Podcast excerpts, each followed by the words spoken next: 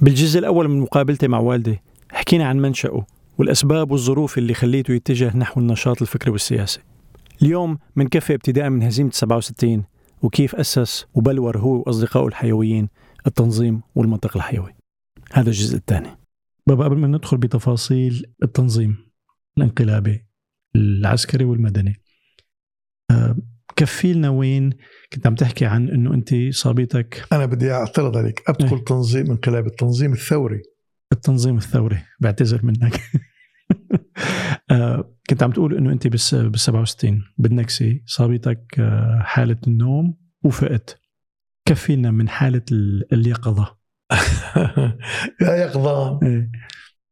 فعلا أنا دخلت بحالة اليقظة لأنه قلت لك كنت بالسنتين قبلها من لما تركت حزب البعث بال 65 ولما يعني حتى هدف الحياة تشويش عقائدي تشويش ديني تشويش سياسي واضح إنه كل يعني ما أنا متلبي فقلت لك إنه أنا عملت رواية اسمها منظار بالعدسات. بالحقيقة هاي الرواية هي بتذكرني بشغلة تانية بقصة الرواية عملتها بالعاشر مم. أخذت كل الصف العاشر. أما في قصة عملتها بالثامن هي مثلها. هاي القصة كان عنوانها قصة قصيرة. من حيث الشخصيات أو لا لا المضمون؟ قصة قصيرة يعني صفحتين. بعرف بس من حيث المضمون؟ هاي المضمون. إيه. أنت ذكرت آه، إنه بهذيك المرحلة كان في انقلابات كل صح. كل سنة سنتين في انقلاب. إيمت بلشت فعليا هالحالة بسوريا. من من لما صار استقلال سوريا من 47 ب 49 صار انقلاب بال 51 انقلاب بال 54 انقلاب بال 56 انقلاب بال 58 انقلاب بال 61 انقلاب بال 63 انقلاب بال 66 انقلاب. مين أطول رئيس من بعد الاستقلال؟ مين أطول رئيس؟ حافظ أسد. قبل قبل حافظ أسد مين أطول رئيس؟ آه أديب الشكلي. قديش قديش آه، قعد شي ثلاث سنين أربع سنين كمان كان هام جدا وهذا يعتبر إنجاز ثلاث سنين طبعاً. بيديك الم... إيه. طيب شو أكبر سبب إنه كان فيها التخبطات والتقلبات غير الاستقرار يعني حالة الفوضى يعني, يعني على كل حال سوريا لأنه تاريخيا سوريا هي ممر إيه. عبارة عن ساحل وجبال. وورا الساحل سهل بسيط وبعدين صحراء إيه. ما كان بسوريا تاريخيا دولي يعني ما أنا مثل العراق وين دجلة والفرات إيه. ما أنا مثل النيل مصر مصر، النيل. إيه. هي عبارة عن كريدور ما كان بسوريا بالتاريخ دولي آه، آه، أو خلينا نقول؟ الساحل موجود دائما دول فينيقية وقريت اللي بدك إياها آه، ووجد تدمر تدمر وين بعيد شوي بالصحراء إيه. وتدمر وصلت لمصر وصلت للخليج بس قصدي اسلاميا العباسيين والأمويين والكذا يعني لا لا حتى قبل بس يعني هيك مرحلة العم- الأمويين صارت عاصمة للعالم الإسلامي. مفهوم. قديش قديش ضاينت هي؟ شي 90 سنة. يعني فينا نقول من وقتها لحديت ما صار ما, ما تم في استقرار. من وقت الأمويين إلى حافظ أسد لا يوجد دولة. أيوة. هي عبارة عن ولاية لبغداد تابعة لبغداد أو تابعة لإسطنبول أو تابعة للقاهرة إلى آخره. مفهوم إيه. بس توحدت هي والقاهرة مرتين ثلاثة ولكن ما أنا دولة و- وتكرست اللا دولة فيها وبالعراق أيام العثمانيين مم. أيام العثمانيين أربع خمس قرون تقريبا بالمماليك والعثمانيين العثماني بشكل خاص ما خلوا ما خلوا حرفي يعني إذا واحد بيعمل كنادر واحد بيعمل دواليب عربيات.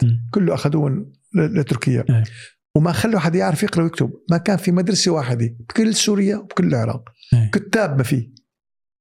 بمصر كانت لأنه بعيدة فيها كان تعليم طبعا وبالتالي كان جهل هائل. وما فيه نخب. بعدين تركيا جابت جاليات. يعني التركمان آه، وأكراد كذا إلى آخره. مم. استخدمتن آه، مماليك. وقبل مماليك فبالتالي الاثنيات المجموعات اللي بسوريا ما سورية ولا عربية. إيه. يعني من عشر قرون لا يوجد حاكم واحد عربي اسمه عربي. مم. أرطغرل وبرطغرل ويبلغ وهيك شغلات. فالعرب صاروا بالريف وبالصحراء بدو أو بالجبال. هاي هدول هن عمليا والعرب هن أو السوريين أو العرب السكان المحليين هن المسيحيين والدروز والإسماعيلي وهذاك أما سكان المدن والسنة عامة هن على الأغلب تركمان على أكراد لأنه آه، هن عبارة عن حراس الدولة كانت تركمانيين كانت كرديه إلى آخره. الأيوبيين هن أكراد حكموا فتره أثناء العهد العثماني. نعم. إيه. والقبل المماليكي. إيه إيه إيه فهمت. إيه. فبالتالي ما في نسيج ففي في نسيج اجتماعي مت- متميز اثنيا متميز طائفيا. وفي حواجز يعني ما في طرق. يلي بالساحل ما بيعرف شو بحلب. يلي بالشام ما بيعرف شو ب آه، كذا. هلا دمشق بقت عاصمة لسوريا بقت هي بلاد الشام. وحاليا عم بيحاولوا يعملوا آه، بين مصر والأردن والعراق. بدهم يعملوا شيء اسمه الشام الجديد. ليش؟ لأنه غرب الفرات نهر الفرات اللي بيجي من تركيا بينزل ل للخليج. غربيته والجنوبي باتجاه البحر هذا اسمه كله الشامية الشام مم. أو البادي مفهوم. والبادية بنا صحراء بس ينزل المطر بيطلع. كل أنواع الزروع. مو مثل صحراء بدبي إلى إيه، عليك. فبالتالي هاي بلاد الشام أو سوريا الكبرى هي حقيقة تمتد للعراق. لل- يعني الاشوريين السريان السريان جاي من الأشوريين. ف كل المحاولات اللي كان فيها طبعا آه، محاولات لدولة اللي آه، اللي خلينا قادة كبار آه، صاروا ظهروا بالعراق وبسوريا وغطوا ولكن ما أخذوا مئات السنين من الحكم مثل التاريخ الإسلامي أو التاريخ الفرعوني مثلا شو أكبر سبب آه، إفشال ال- ال- الحكم؟ آه ففي سوريا هي أول شيء عملته فرنسا. وبريطانيا. تقسيم بلاد الشام. تقسيم سوريا والعراق اسمه سايكوس بيكو هلا خلينا عملوه مو بس عشان يعملوا إسرائيل. عملوه لأنه هاي المنطقة هي اذكى منطقة في العالم. أنا يعني بجوز تقول لأنك عربي وتقول هالكلام.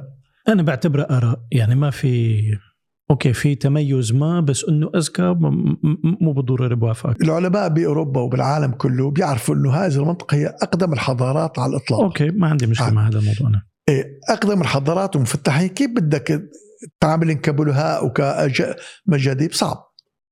فبدك تضعفن يعني أنا بس بدي أقول لك شغلة بجوز تستغربها. وما بدي أطول الحلقة كتير بس معبرة. في إلي صديق كان يشتغل باليونسكو. سويسري. كان هو مسؤول عن العلاقات العامة باليونسكو بباريس. وعن تنظيم المعارض. الفنية. فنية تشكيلية. فأنا عندي لوحات كنت أعملها بباريس وبدي أعمل معرض باليونسكو لأنه هذا بيعطوا آه، بيشتروا اللوحة يعني منيح. فتعرفت عليه الله يوجهه الخير. أنا نسيان اسمه هلأ بس هو من سويسرا ومن الأصل الفرنسي من سويسرا الفرنسيه وهو كان عنده جاليري بشكل شخصي واجا حطوه هون. لما أخذ دكتوراه دولي هلا اخوه اشترى مني كم لوحة له شخصيا قد بحب أعمالي آه. لما أخذ الدكتوراه آه، آه، قال لي بدي أعمل لك عزيمة لمدير اليونسكو وسفراء أكبر سفراء الدول الكبرى مم. يعني فرنسا بريطانيا طبعا آه، أمريكا هال- هال- هالسفراء مشان يلاقوا لك position لأنه هي اليونسكو للثقافه عامة آه. آه. بس لأنه أنا كنت وقتها لاجئ سياسي بفرنسا فبالتالي لاجئ سياسي بفرنسا يعني إذا اعترضت سوريا لأنه أنا أصل سوريا أو العراق أو أي دولة عربية ما. بيحطوني إيه. إلا إذا كان في دعم دولي مفهوم هو- كان آه، حابب يخدمك الخدمة من ناحية فنية ولا إنه يعني- أنا لا اخذ دكتوراه دولية دكتوراه يعني قصدي- شيء مهم جدا يعني مو بس كفنان كف كفنان وكمفكر إيه فهمان عليك يعني بس لأنه هو- بالثقافه والفنون إيه. بس هو اختصاصه لأنه الفن هو اختصاصه إنه شخص- صديق شخصي وبيعرف أنا فنان وقاري لي وقاري التقارير تبع الدكتوراه والى آخره قال لي إيه. فقال لي بدي أعمل عزيمة هن وزوجاتي وأنت وزوجتك. وجيت ساكنين كان غرب بفرساي يعني هالمنطقة الغنية إيه. لقاء لا ينسى. تذكر أي سنة؟ يعني بال 84 لأنه أخذت الدكتوراه بال 84 أي. سفراء فرنسي أمريكي إنجليزي كذا. وفي وحدة عربية. إنه هاي بتشتغل مترجمة أصلا فلسطيني. قبل الغداء آه، صار دردشة. كان وقتها في تفجير بلبنان. مم. يعني لبنان كانت مشتعلة بالحرب الاهليه أو بفلسطين. يعني المنطقة ككل إيه. كانت؟ آه، فقال يعني يا هو البنت الفلسطينيه سبت شو هالهمج شو هالكذا يعني تسب يا الفلسطيني بلبنان يا الفلسطيني بال بال ب- بفلسطين بفلسطين مم. أو بتسب جنبلاط وقتها كان جنبلاطين مع ال- مع الصفوف. أو مسب قوات الردع إلى آخره مسب طرف وطني بالنسبة لي إذا مبينة هي إنه pro occidental. pro West. آه فقال شو رأيك أنت اللي عم يصير؟ أنا الحقيقة ما عرفان هو- ما قال لي أنا بدي أعزمهم من شان نلاقي لك شغل قال لي أنا عامل عزيمه وأعزمك تعرف بعدين قال لي. بعد هذا الاجتماع قال لي أنا كنت عايز من شانك فأنا إيه هو قال لي بدي أعرفك على ناس بس ما أنا عرفان كيف يعني. وليش. فقالوا لي شو رأيك باللي عم يصير بلبنان. قلت له والله أنا لي صديق آه، آه، رسام آه، لبناني هلأ أنا بدي أتذكر اسمه هو من بيت شمس الدين. كان عمه أو أبوه هو مفتي الشيعة بلبنان وقتها. يعني كان أعلى واحد من الشيعة بهذاك الوقت. الشيخ شمس الدين وكان رسام فنان ومرته اسمها فاطمة كمان رسامه انت كيف تعرفت عليه؟ تعرفت عليه من اللي كان يساعدني بترجمة الأطروحة تبعتي. وهدول عرفوني على واحد ياباني كمان رسام. فما قلت له الياباني ما قال لي أنا شفت واحد ياباني وقلت له أنتم اليابانية مثل البريطانيه وين بتروحوا؟ تزرعوا الح... بت... بت... بت... بتعلموا الناس على الحشيش وبتخلوا ال- الطبقات الدينية مسيطرة وبتخلوا التخلف. وبتتركوا هالدول المتخلفه وبتروحوا أما فرنسا. بتعمل مشاريع بتعمل علمانية بتعمل تعليم بيحاولوا يعملوا شيء. فاليابانيين والبريطانيين استعمار سيء أما الفرنسيين استعمار مستنير. فواحد من الحضور قال لي صحيح قلت له بس الياباني رد علي رد افحمني. قال شو قلت له قال لي بالعكس. شوف وين راحت بريطانيا وشوف وين راحت فرنسا. محل بتروح بريطانيا بيبقى استقرار. ما في مستعمرة. المستعمرات البريطانية فيها مشاكل. أما كل المستعمرات الفرنسية اللي أخذت استقلال كلها بتفجر على طول. هاي لبنان هاي فلسطين. سوريا. يقول فلسطين بريطانيا هاي الجزائر. هاي المغرب. بأفريقيا. قسمتها تقسيم مصطنع وتركت فيها متناقضات. فبالتالي متفجر التفجر مم. ولذلك جوابا على سؤالك هو هيك تركنا الاستعمار بطريقة إنه ما نحسن نتعايش حط البيضة والحجرة فوق منا مم. فإجباري حطنا بالتناقض. هلأ هذا اللي بدي أقول لك إياه. أنا مشان نكمل على المثال شو اسمه؟ إيه، إيه. بدي أذكره لأنه مهم جدا. رحنا على الغداء. بالغداء هاي لأول مرة وآخر مرة. ولا معه لسته لأنه بروتوكول. انت بتقعد هون زوجتي هون فلان هون فلان هون. على التيكت. إيه، إيه. إيه، وتوقعت إنه هالعزيمه شو بده يكون فيها أربع خمس أنواع من الأكل وإلى آخره. عزيمة كبيرة. ولا عبارة عن مثل ما تقول كتلة لحمة حمراء آه مع شوي سلطة وحط مثل مبيت اللي بده يشرب. فكل واحد بيختار له slice لحمة إيه. مع شوي سلطة. هاي واذا بدك تشرب داعمينك بابا بالنسبة لهم إيه. هذا أعلى أعلى عشاء إيه. وخلص الاجتماع وحلو بعدين تاني نهار بيتصل فيه بيقول لي نزعتها شو نزعتها؟ على اي تعليق لأنه ممتاز. إلا تعلق على فرنسا الا تحكي هالكلام أنا جايبي مشان إنك بدي يعينوك باليونسكو إيه. قلت له بسيطة لا يهمك فإذا حقيقة هيك الاستعمار تركنا بمنطقة يعني عاجزين هلا مو بس الاستعمار الفرنسي قبل منها لأن تركيا كمان. تركيا است- استثمرت بالطائفية والمماليك والأتراك. هلا أيام العباسيين في خلاف بين السنة والشيعة بس ما كانوا يقتلوا بعض. إيه. يعني ببغداد بحياته ما حدا قتل حدا رغم إنه في الكرخ وفي الرصافي في الكاظم وفي آه، آه، أبو حنبل إلى آخره بس ما كانوا يقتلوا بعض. في مشاحنات. أما المجازر صارت أيام المماليك المماليك عبيد. وبيحكوا عربي. وبدهم يسيطروا. فهذا كافر وهذا هيك بحطوهن يشغلوهن واستثمرت تركيا الطريقة فبالتالي على تراث من التفريق والشحناء والبغضاء وفتاوى القتل والتدمير وهذا خائن وهذا مو خائن إلى آخره. فبالتالي تاريخنا والتخلف والأمية يعني كان الرسالة كان ما بتلاقي حدا يعرف يقرأ رسالة. فبالتالي التخلف الثقافي والتخلف السياسي. وفي وعي سياسي ولا مصلحة. وإجت الاستعمار وقسمنا التقسيم هذا. فبالتالي صرنا بشكل متفجر.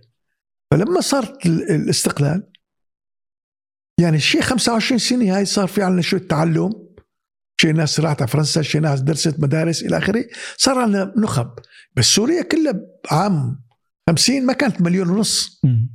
بعام 55 مليونين ونص. طيب سؤالين هون بابا بدي أعمل مداخلة صغيرة بدون ما نتشعب كثير أنت برأيك في وجهة نظر آه، الفنان الياباني اللي قالوا عن موضوع إنه بريطانيا لما بتستعمر وبتترك بيكون في استقرار مقابل فرنسا ما بيكون في استقرار؟ في يعني هلأ أنا بالاخير في بالأخير دقيق طبعا. هذا الوصف ولا؟ لا بالأخير لاحظت مثلا لاحظ دول الخليج.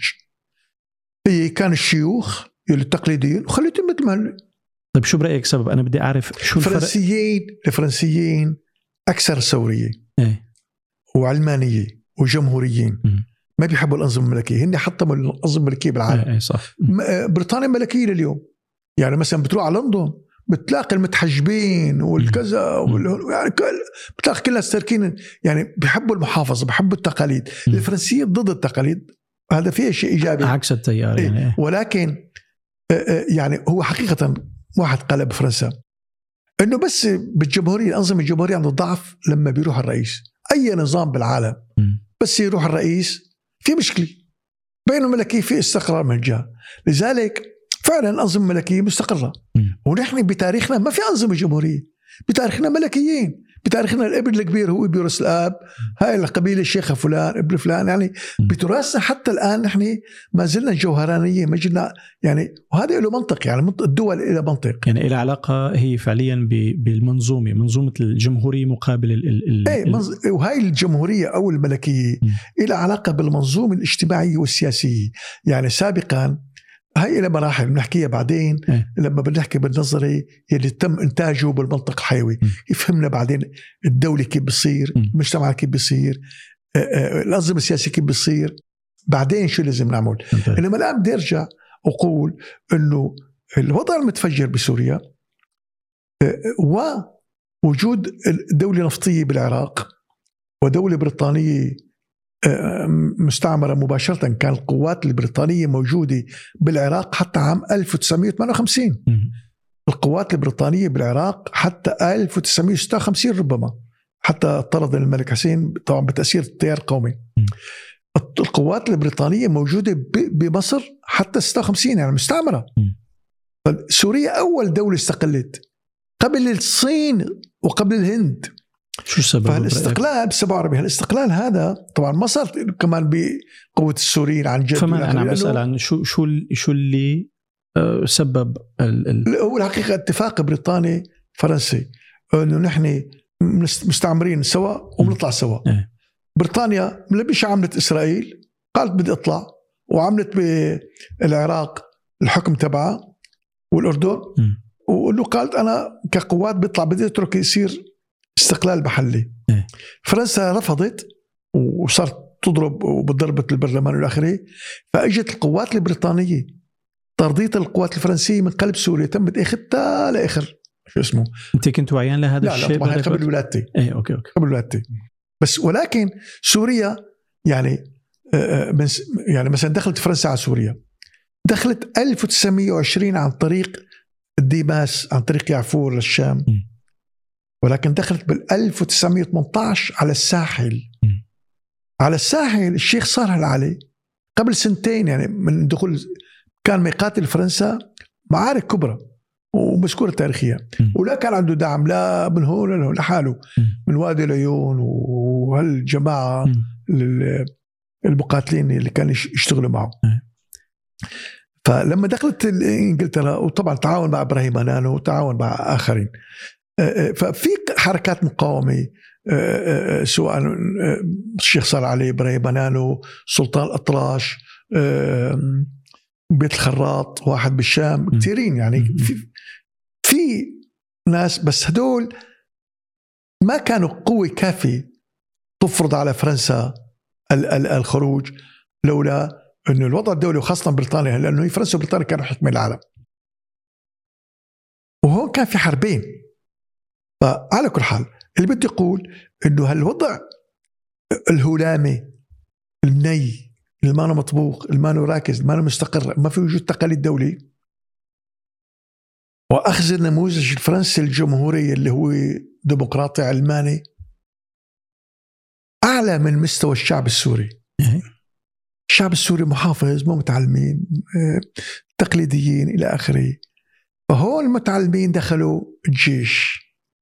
أو صاروا أطباء ومهندسين بشيء قليل يعني سؤال بابا لو الأشخاص نفسهم يعني إن كان صلاح جديد أو حافظ أسد لو استلموا أبكر من الوقت اللي استلموه كانوا قدروا يعملوا اللي عملوه لما استلموا؟ لا هن استلموا عمر 15 26 لا لا بس السؤال 30 بابا كترت فهمان عليك بس واضح إنه في فترة بعد الاستقلال بال 47 لل 67 في بابا. تقلبات لا لا بس لأسألك يعني لو حافظ أسد مبلش لو كان عمره نفس العمر اللي لما استلم بس مستلم بال 50 بدل بال 70 ما بيصير يصير بال 50 يا بابا اللي عم بسألك إياه.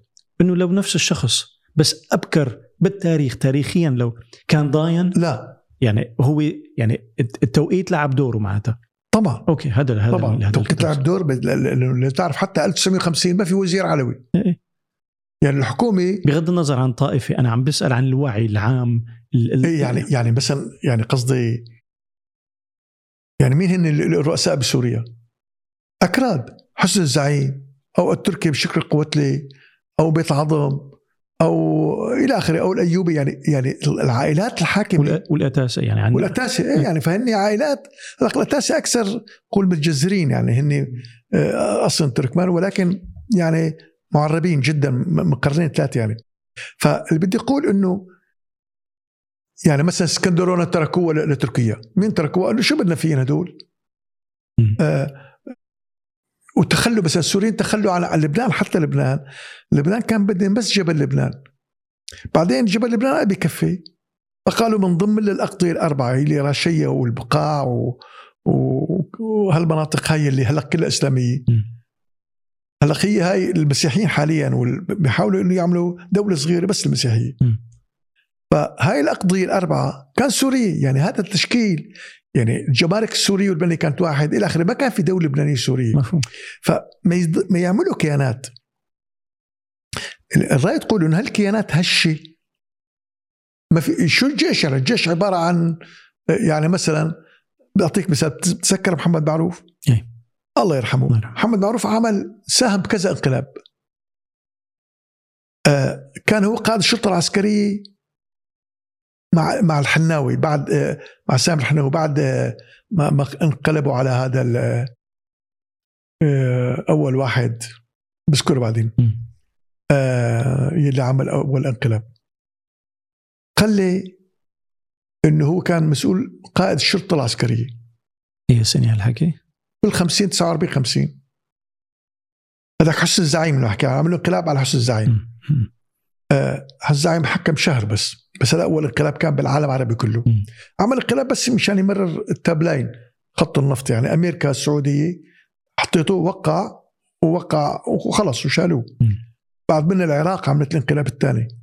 إذا كان يا العراق يا السعودية يبقى العراق هي بريطانيا السعودية هي أمريكا أو مصر مصر كانت بريطانيا بس بعدين صار عبد الناصر أمريكا كانت فعالة بهذا الوقت بمنطقتنا نحن. بسوريا كان العراق بيعمل انقلاب إيه. الأردن بيعمل انقلاب الأردن عمل انفصال. إيه.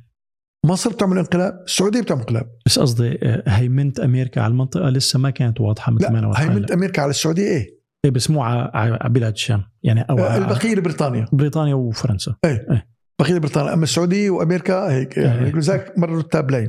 بس أمريكا حتى هداك الوقت ما كان عندها وجه استعماري ولا وجه هيمني. لسه ما كانت صارت هي وروسيا الدولتين الكبرى. هدول أخذوها بعد الحرب العالمية الثانية. المهم اللي بدي أقول هون وهذا مهم مشان نعرف شو التنظيم الحيوي شو التنظيم الانقلابي شو التنظيم الثوري ليش؟ شو شو بنعمل فيه؟ مم. يعني ليش عسكر؟ فسؤال مهم. آه، فإذا نحن هون آه، أمام تغيير اجتماعي بيصير كله بانقلابات عسكرية. اثنين ثلاثة بيوصلوا على الإذاعة بيذيعوا بلغ رقم واحد. خلاص الجمهوري بيهرب أو كذا تغير الحكم طريقة الوصول فعليا كانت كلاسيكية إنه يلي بده يوصل على قمة الجبل آه الأسلوب تقريبا ممنهج واحد اثنين ثلاثة؟ آه، تماما تماما. وبالتالي كان كل ضابط بده يعمل فكرة بانقلاب انه بصير رئيس. آه بس يصير له شوية دعم هيك أو هيك بصير. م. هو كل الضباط كلهم 200 300 واحد. كانوا مكترين. يعني كل الجيش السوري مكان لواءين بحرب 67 مجموعة الجيوش العربية المصرية والسورية والعراقية والفلسطينية والأردنية بما فيها القوات الشعبية. كانت أقل من عدد الجيش الإسرائيلي وإسرائيل كل عددها كانت 3 ملايين يعني لأنه الجيش بده مصاري أكيد إيه. أي كع- كعدد إيه. فاللي بدي أقول أنه آه هذه القوى تتغلغل بالجيش مرة بريطانيا مرة فرنسا مرة أمريكا مم. أو الكل. هلا صار يتعاونوا الكل ضد عبد الناصر. عبد الناصر آه، آه، هلا ما راح أحكي ادخل بالتفاصيل لأنه هذا بدخل بعدين بالسيا بدها كثير حلقات. أكيد. بدي أقول إنه سوريا بهالواقع هذا آه، ما كانت يعني كانت ما تغلي فرادت أمريكا وبريطانيا يمدوا الحلف الاطلسي آه، آه، آه، الناتو سموه حلف بغداد. شو الحلف الاطلسي بابا للأشخاص اللي ما بيعرفوا اتلانتيك اليانس كمان بس. اللي بيضم أوروبا وأمريكا. مم. وباكستان كانت معهم وتركيا. مم. هذا حلف عسكري مقابل حلف وارسو يلي هو الدول الاشتراكية وروسيا. فرادوا يحطوا سوريا بحلف الأطلسي. القوى الثورية الحيوية في سوريا ضد لأنه تركيا كانت معترفه بإسرائيل وشاه إيران معترف بإسرائيل وإلى آخره فكان ضد الحلف بغداد مصر والسعودية جكاره ببريطانيا مم. وسوريا هي الأساس الصراع كله على سوريا إيه. بس سوريا سقطت حلف بغداد مظاهرات البعثية والعروبيين وإلى آخره كلهم أي, أي سنة 56 مم. كان مطروح الموضوع بعد ما عبد الناصر حرر القناة وصار زعيم. صفى في قائد للتيار القومي. فبالتالي هون الشيوعيين بسوريا كمان كتروا فصارت أمريكا تخاف من وصول آه، كان الله يرحمه اسمه عفيف البزري كان رئيس أركان صديقي كان هذا مرشح يصير يعمل انقلاب بسموه الجنرال الأحمر وصير سوريا الشيوعيه مم. فهاي أمريكا ما بتقبلها خط أحمر. وهي متفقة بمؤتمر يالطا مع مع روسيا إنه منطقة نفط الشرق الاوسط إلنا. بالتالي ما ننشغل بسوريا ولا بالسعوديه ولا كذا لأنه روسيا عندها نفطها أما أمريكا والدول الغربية ما عندها نفط، النفط هو البلاد العربية. يعني اليابان أوروبا كلها ما عندها نفط. فلما في تهديد يصير انقلاب أحمر شيوعي وافقت أمريكا. لأن أمريكا كانت داعمة عبد الناصر مم. ضد بريطانيا أمريكا وروسيا هن ضربوا فرنسا وبريطانيا يطلعوا من هالم... الاستعمار الجديد ألغى الاستعمار القديم مم. من الجزائر إلى آخره فهون كان قبلة أمريكا تصير وحدة بين سوريا والعراق مشان تهدأ لأن السوريين كل واحد يعني شكر القوات لما سلموا الوحدة لعبد الناصر قال له الله يساعدك بدك تحكم شعب 50% بيعتبروا حالهم آلهة مم. وال50 الباقي بيعتبروا حالهم أنبياء إيه، مصيبة فبالتالي بينهم مصر واحد فرعون واحد بيحكم مصر كلها. مئات السنين إيه. فإذا بس عبد الناصر أيام الوحدة أثبت موجودية هائلة استطاع طرد بريطانيا من العراق من عدن من فرنسا من الجزائر يعني تقريبا كل دول العالم الثالث استقلت بفعل عبد الناصر. إيه. ودعمه. بس الوحدة السورية العر... المصرية خلقت الأمة العربية خلقت ال... يعني قبل هذا أي عربي ب... ب... بأمريكا يسموه تركش. وقتها صار عربي. صارت العروبة هي عصر العرب. قومية. إيه. فهذا العصر أصبح مخيف لأنه قرب أكثر شيء مع الاتحاد السوفيتي صار. اشتراكي. امم ال- الأراضي من القطاعيين فأصحاب المال الإخوان المسلمين آه، تضرروا. وبريطانيا وأمريكا تضررت فبالتالي عملوا انقلاب. الانقلاب آه، 28 له بالانفصال كان هو الكارثه الكبرى على الأمة العربية كلها على مصر على سوريا بالأول بالدرجة الأولى. لأنه قبل كان في رئيس يعني عبد الناصر دخل المذهب العلوي والدرزي والإسماعيلي على الأزهر. صار مذاهب رسمية.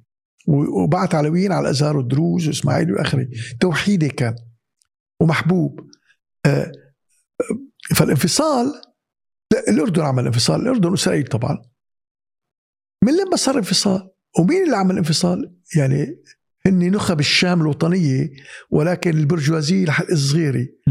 مم. يلي حزب الشعب حزب الوطني إلى آخره اللي عندنا شوية أموال. هالاموال من اجت من قروض البنوك فبتعطيك قرض بتصير مليونير بتصير غني. ما كان في عندنا حتى برجوازيه نحن كان عندنا أقطاع واحد عنده أرض واحد عنده ما في ناس عندها بنوك وعندها مصانع. ما كان في مصانع بسوريا. مفهوم. تقول إنه هذا الوضع بسوريا وضع هش بالانفصال.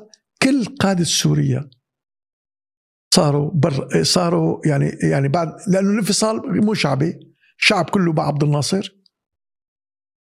فلما صارت وصار كذا انقلاب بالانفصال وما ينجح. بثلاثة بثمان اذار نجح. على مستوى سوريا عم تحكي. على مستوى سوريا. إيه. كذا انقلاب. إيه إيه، مفهوم إيه. آه فقلت أنا ما أذكر لك كل الموضوعات مشان أقول لك رجعت لقصة كتبتها بصف الثامن يعني بعد الانفصال. بالمنظار بالعادة إيه. هاي القصة اسمها ممنوع البول. بتتذكر عندنا بالحارات العتيقة بيكون في زواريب وكذا. ففي ناس. بتوقف تبول فبيكتبوا العالم بيسبوا يلي ببول. وهلأ طلع في قا- قانون بي- بيحطوا السجن. فليش اسمها هيك؟ لأنه الأولاد الحاره بدهم يلعبوا. فكل ما لعبوا فقرروا إنه بدهم يعملوا انقلاب، الأولاد بدهم يعملوا انقلاب. وهن عمرهم 10 سنين. فطيب شو البلاغ الأول بالانقلاب؟ لأنه كل انقلاب يبدأ ببلاغ رقم واحد ممنوع التجول. آه، ممنوع كذا إلى آخره. فهي ممنوعات أول شيء بتكون البلاغات. إيه. فالاولاد صار يقول شو كل واحد بدهم يحطوا يعملوا انقلاب. شو أول إعلان؟ واحد قال له ممنوع ينزل المطر يوم العطلة. أيوه. فقال له واحد انت بايخ يعني شو هذا؟ قال له طيب على طول ما ينزل. هاي بالقصة عم نحكي. بالقصة. فقال له واحد ممنوع إنه الأب الأهل يضربوا الأولاد. إيه معقولة بس نحن قادرين عليه إيه. ثالث ممنوع سرقة قلب له طيب مين بده يربطه. مين بيحط السرجيخ يحطوه بالبيت إيه. بده يروح اجباري حتى لو ما انسرق هو بده. بعدين قال في واحد هو دائما كان يقولوا عنه بايخ. يعني في شخصية بايخة وشخصيه فقال أنا أنا أنا عندي ال- المنع الأهم. إيه. قال له شو؟ قال له ممنوع البول. فهجموا عليه والى آخره. فاذا هاي فكره المنع وانقلاب صارت لعبة صارت يعني قصة صارت تندر إنه كل نهار بكرة مين حكى هي بت... هي عم تعكس فعليا واقع الواقع. هلأ هذا الواقع بعد ال 65 من 63 65 صارت محاولة انقلاب وصار في إعدامات ب 18 تموز 63 مم. بعدين صار في سيطرة بس مبين سيطرة مؤقتة يعني مقلقلة مين كان راعيها؟ ها مين كان راعي هالسيطرة هاي؟ يعني هل كان آه، من من الممكن السيطرة عليها بدون تدخل خارجي؟ أيوه لا بالتأكيد هون هون أكيد وهذا مهم جدا حتى 8 اذار أنا برأيي و8 شباط بالعراق مو برأيي أعطينا سنين كمان بابا 8 اذار و8 8 اذار بسوريا عام 63 مم. 8 شباط بالعراق سنين. شباط قبل اذار 63 نفس السنة إيه. 8 اذار عملوا علي صالح السعدي واحد كردي فيلي فيلي هي الشيعه مم. وكان تو- توجه ماركسي توجه يساري. إنه بسوريا كان محلول البعث من لما صارت وحدة و- ومش عارف عايش بمصر بس بالعراق ما انحل البعث وكان حزب البعث هذا قاده علي صالح السعدي. من الوثائق صار معروف إنه أمريكا شجعت انقلاب 63 لمين؟ ضد عبد الكريم قاسم. لأنه عبد الكريم قاسم. كان اشتراكي وكان قريب من الاتحاد السوفيتي. وأم يعني كان شخصية ثورية وحيوية. فأمريكا شجعت الانقلاب عليه. وبسوريا كان كل ما, ما في استقرار. يعني يعني اجى الناظم القدسي بسوريا صار يضربوه بالبندورة وإلى آخره. ومظاهرات على طول على طول مظاهرات. فعلي صالح السعدي اجى على سوريا. جاب 12 واحد عملهم سماهم قيادة قطرية هو البعث كان موجود من قبل اسمه مح- محلول وبالانفصال مشكلة الانفصال إنه أكرم الحوراني وصلاح البطار اللي زعماء البعث مع وهيب الغانم قبلوا بالانفصال. فبالتالي صار البعث تاريخي يعني الش- الشعب شيء والقاده بشيء يعني صاروا هدول ضد عبد الناصر وضد الوحدة وقولوا بدي ديمقراطيه والى اخره انفصلوا عن حالة الاشتراكية يعني انفصلوا إيه. وهذا كان هي كان خسارة الكبرى لسوريا لأنه اكرم حوران كان قائد محبوب جدا. جدا جدا. وهو حموي وضد الإخوان المسلمين وضد الرجعية واشتراكي يعني. شخصية حيوية جدا.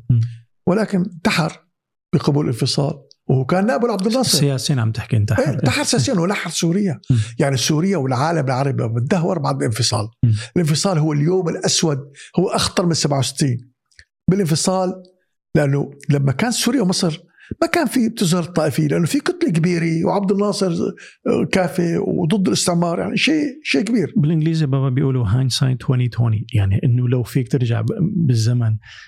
طيب سؤال هذا حالة اليوتوبيا المؤقتة. كانت قابلة للاستمرار.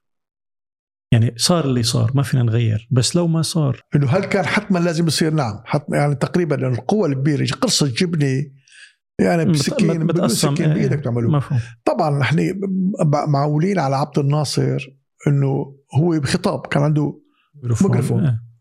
وأم كلثوم وعبد الحليم حافظ. يعطيكم العافية. وإنجازات دعميتها أمريكا وروسيا. فصار قائد هام بس حقيقة ما عنده لا دبابة بيصنعها ولا طيارة بيصنعها ولا شيء. فبالتالي الدولة بدها بدها ملايين بدها قدرات حتى تحافظ على على الأمن فيها. فما عنده القدرات لأنه لا سلاح ما عنده ولا أدوات ما عنده ولا في مصاري ولا في إنتاج يعني. ما في بس كان ما يعمل بدأ بالتنظيم بال- بالتصنيع الحربي. بدأ جاب العلماء اللومان اللي هربوا من من آه، ألمانيا جاب اللي يعملوا صواريخ وزرة وإلى آخره. ولو استمر؟ بمصر. إيه ولو استمر؟ يعني دوله لوحده مم. لو استمر كانت فرقت. كان غلب الصين وغلب الهند. كان كانت مصر أعلى من الهند وأعلى من مفهوم. الصين. مفهوم. ف آه، فعبد الناصر ما حسن. يعني هو له أخطاء معروفة إنه خلى نائبه عبد الحكيم عامر هو اخت أخته واثنيناتهم عملوا انقلاب بمصر. مشان يراعي. فكان هداك نزع الوحده بسوريا ونزع 67 يعني يعني بتصير هاي بالحكم دائما إنه مجموعة بدهم يبقوا مع بعض وأوفياء لبعض. هو شاطر عبد الناصر بالعلاقات الخارجية وبالخطابات والى آخره. آه، بس بالجيش مو قادر. يعني في قوة ب- ما كان في توازن قوة. أو خلينا نقول ما في قوة واحدة حاكمة كان في مجموعة قوة. مفهوم. لما اجى حافظ أسد لما اجى صدام لما اجى صار في قوة واحدة. يعني ما يخلوا حدا على الإطلاق. مم. يعني ما في اثنين ما في رقم اثنين. عند عبد الناصر اثنين وثلاثة وأربعة. بابا خليل؟ بدي بس يكمل إنه لما اطروحه ممنوع الانقلاب ممنوع البول. في مزار بالعدسات المزار بالعدسات كمان رواية يعني ما فكر أنا بحال تغيير اجتماعي. طيب شو بدك تغير بس أنت هون فكاهة. ممنوع البول فكاهة. بس هديك لا. مزار بالعدسات مو فكاهة. مفهوم بس هي سخرية. ما يعني ما بتحس أكيد يعني ما أنا هالرواية اللي والله رح تقوم شعب وت... لا مو رح تقوي شعب بس هي الرواية حقيقة سيناريو إنه أنا ب- إذا بدي أعمل انقلاب إذا بدي تغيير اجتماعي إذا بدي أعمل ثورة شو بدي أعملها؟ إيه. فأنا فكرت رحت لفلان قلت له هيك رد علي هيك توقعت شو بده يرد علي إيه. عندنا موضوعين الطائفية. وموضوع قلت لك الدين. الدين هو الطائفية والدين اثنين مثل بعض. بس واحد له معنى سياسي وواحد له معنى بالأخلاق. مفهوم. فبدي انقلاب أو ثورة على المفاهيم والعلاقات ما تخلينا نبين صار توتر طائفي. صح. فإذا قلنا مثلا إنه كل شيء بيحكي بموضوع طائفي بيقتلوه. عشان بعد حد يحكي. انه التنظيم كله ثلاثة أربعة. وبنقتل و- ولاقوا واحد ضابط إنه بيميز طائفيا من تل كرخ وساكن بالشام. القصة. إيه. بدهم يلحقوه يقتلوا بالش... بالشام. وراح هذا الشامي ال- ال- اللي أمه شامية ومطلقة سامر. راح مع واحد مع المسدس وبده يقتلوه. عرفوا هذا وين آه، بيته؟ بده يقتلوه. هذا كله صار بنهار ونص قلت لي منظر القصة نهار ونص إيه. ولكن يعني كل هالأحداث صارت بنهار ونص إيه القصة إيه. إنت سألت سؤال إنه أنا الرواي منين أخذت ال standard تبعها إيه. أنا عرفان كل ال standard ات وعامل standard جديد هو قريب من standard لجون شتاينبيك. جون ستاينبيك هو من أهم الروائيين في العالم أخذ نوبل. أمريكي فأنا م- أسلوبي قريب من أسلوبه شو الروايات الم- المشهورة في... السردين معلب رجال وفئران وأخذ جائزة نوبل على okay okay, آه، عناقيد الغضب okay. له روايات مهمة جدا آه، وبعدها صار آه، مسلسلات مم. آه، فأنا بهالرواية اذا يعني مفصلية فعليا يعني أنا بعرف عن الروايه الرواية مفصلية بالتعبير عني. قصدي أنا بعرف عن وعن روايه الشباب. بعرف عن رواية بس ما كنت عرفان إنه في رابط بينها وبين الحالة ال... الاستنفاري اللي صابك والحركة ال... إيه لأنه أنا صرت بضياع. شو بدي أعمل؟ لأنه شوف شو عقلك شو صار. قد إيه عمرك هون بابا؟ بالعاشر يعني كنت ب 16 وصلت 15 16 أوكي. هلا هون إيه بدنا نقتل اللي يحكوا بالطائفيه راح سامر الش... ابن الشامية والثاني وبده يقتله. ابن الشامية راح على بده يشوف أخته اللي هي مع أمها. وهداك آه، يمكن قاعد فندق أو ما يتجول أو يراقب الضابط اللي بده يطلع كيف يجي. من شان يجوا هذاك ولا أخته راح على مسبح فراح معها على المسبح. صار يشوف البنات استغفر الله البنات ملابسين شورت كذا طيب هذا الله ما تناقش ال- المسائل هي. الأخلاقية الدينية اثنين هذا منه إنه إذا إذا فشل بالقتل بده يمسكوه بيسجنوه والى آخره بس إنه طيب وإذا قتلنا هذا؟ يعني ما الطائفيه مم. فاذا آه، اذا هذا مو حل اذا إنك تقتل واحد لأنه طائفي له حل. وتقول لواحد والله فرضا من اشتهى آه، فقد زنى ما له حل. لأنه الواحد ما بيحسن يشتهي. مم. فاذا في مشاكل. فبالتالي وشو اسم التنظيم؟ بالأخير سموه اسم منظمة يجب. إنه يجب أن نلهي الطائفية يجب أن علينا أن إيه. إيه على يجب هلا صارت مهمة فبالتالي هاي الحقيقة حالة ذهنية إنه أنا ما عندي شيء حقيقة. إحسن اطرحه. لا بديل البعث ولا عبد الناصر ولا شيء ولكن كان وقتها الخلاف بين البعث وعبد الناصر حول الدليل النظري. فلانه القوميه السوريه عندهم أنطون سعادة كان مهم جدا وقائد حي وممتاز عنده فكر معين واضح قوي. والشيوعية عندهم فكر أيضا واضح وقوي. البعثيين يعني بيبقى متدين وعروبي متدين مسيحي متدين سني متدين مسلم. فبالتالي بصير صراعات.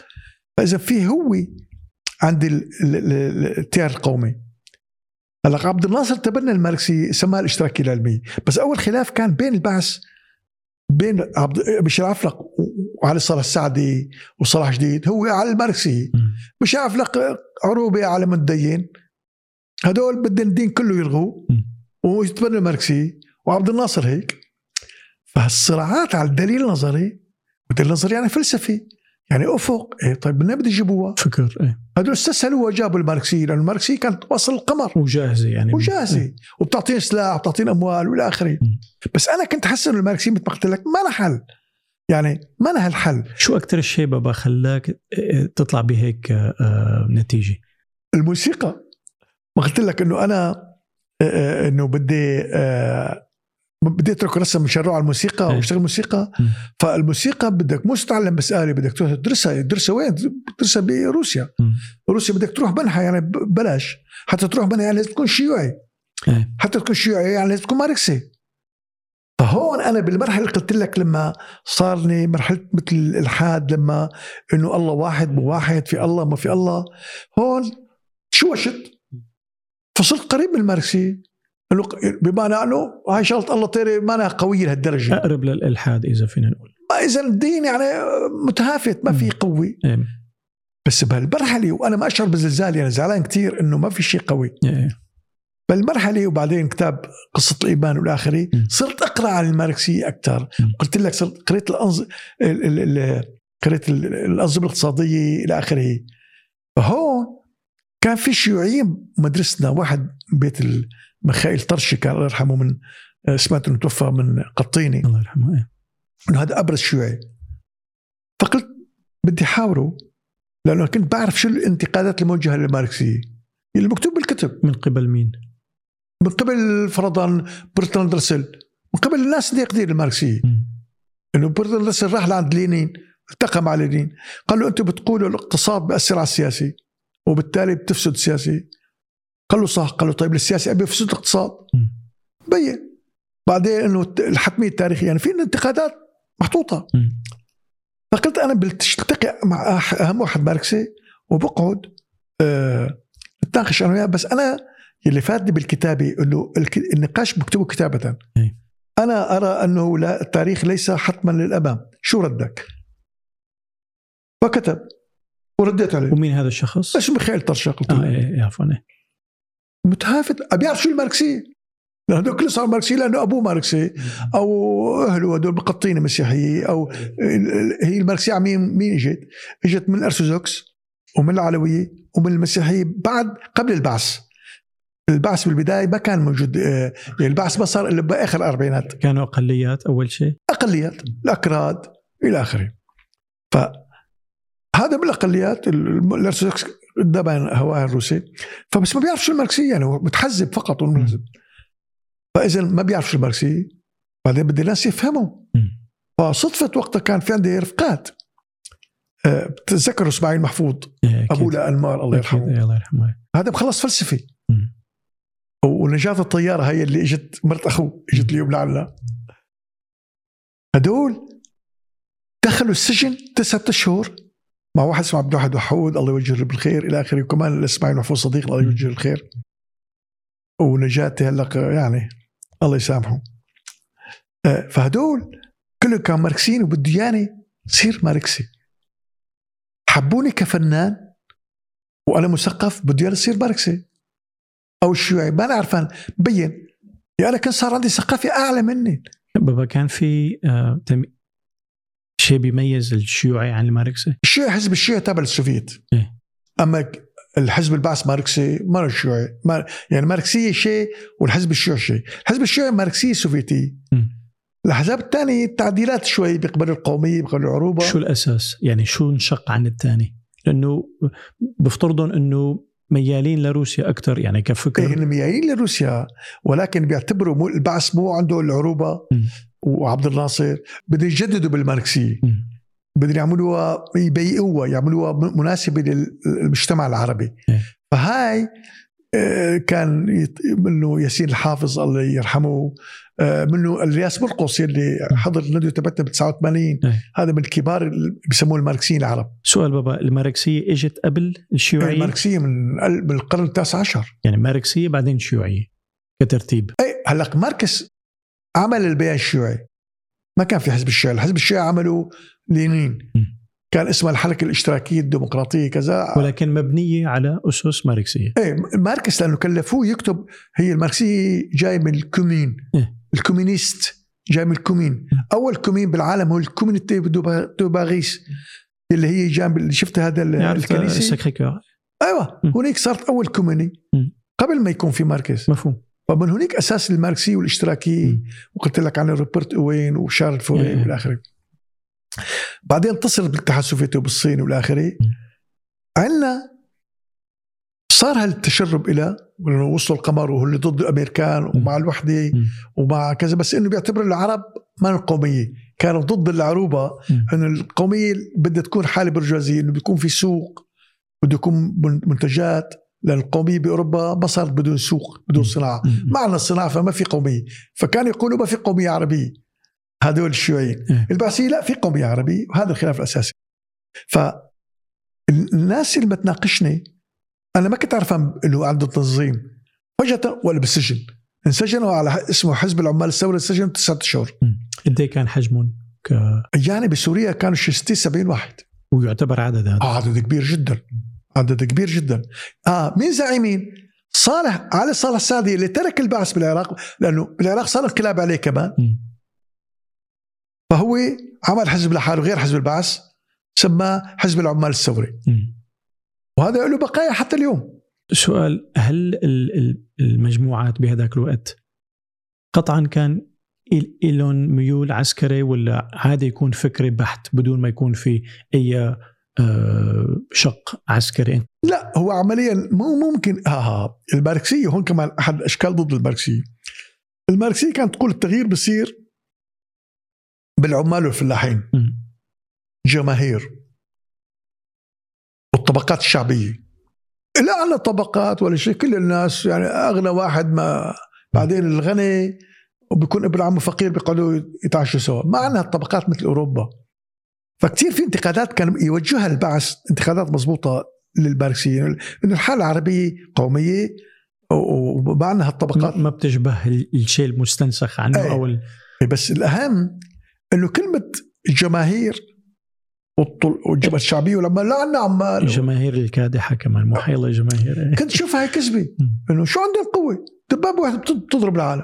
كل الانقلاب التغييرات بتصير بانقلاب مو بصير بعمال أو وما في أو عمال. بفكر بحت أو إيه. فبالتالي إنه بدنا نغير العالم التاريخ بعمال وفلاحين لكن الفلاح بيعرف يقرا ويكتب وما بيهمه السياسي وبيخاف السياسي.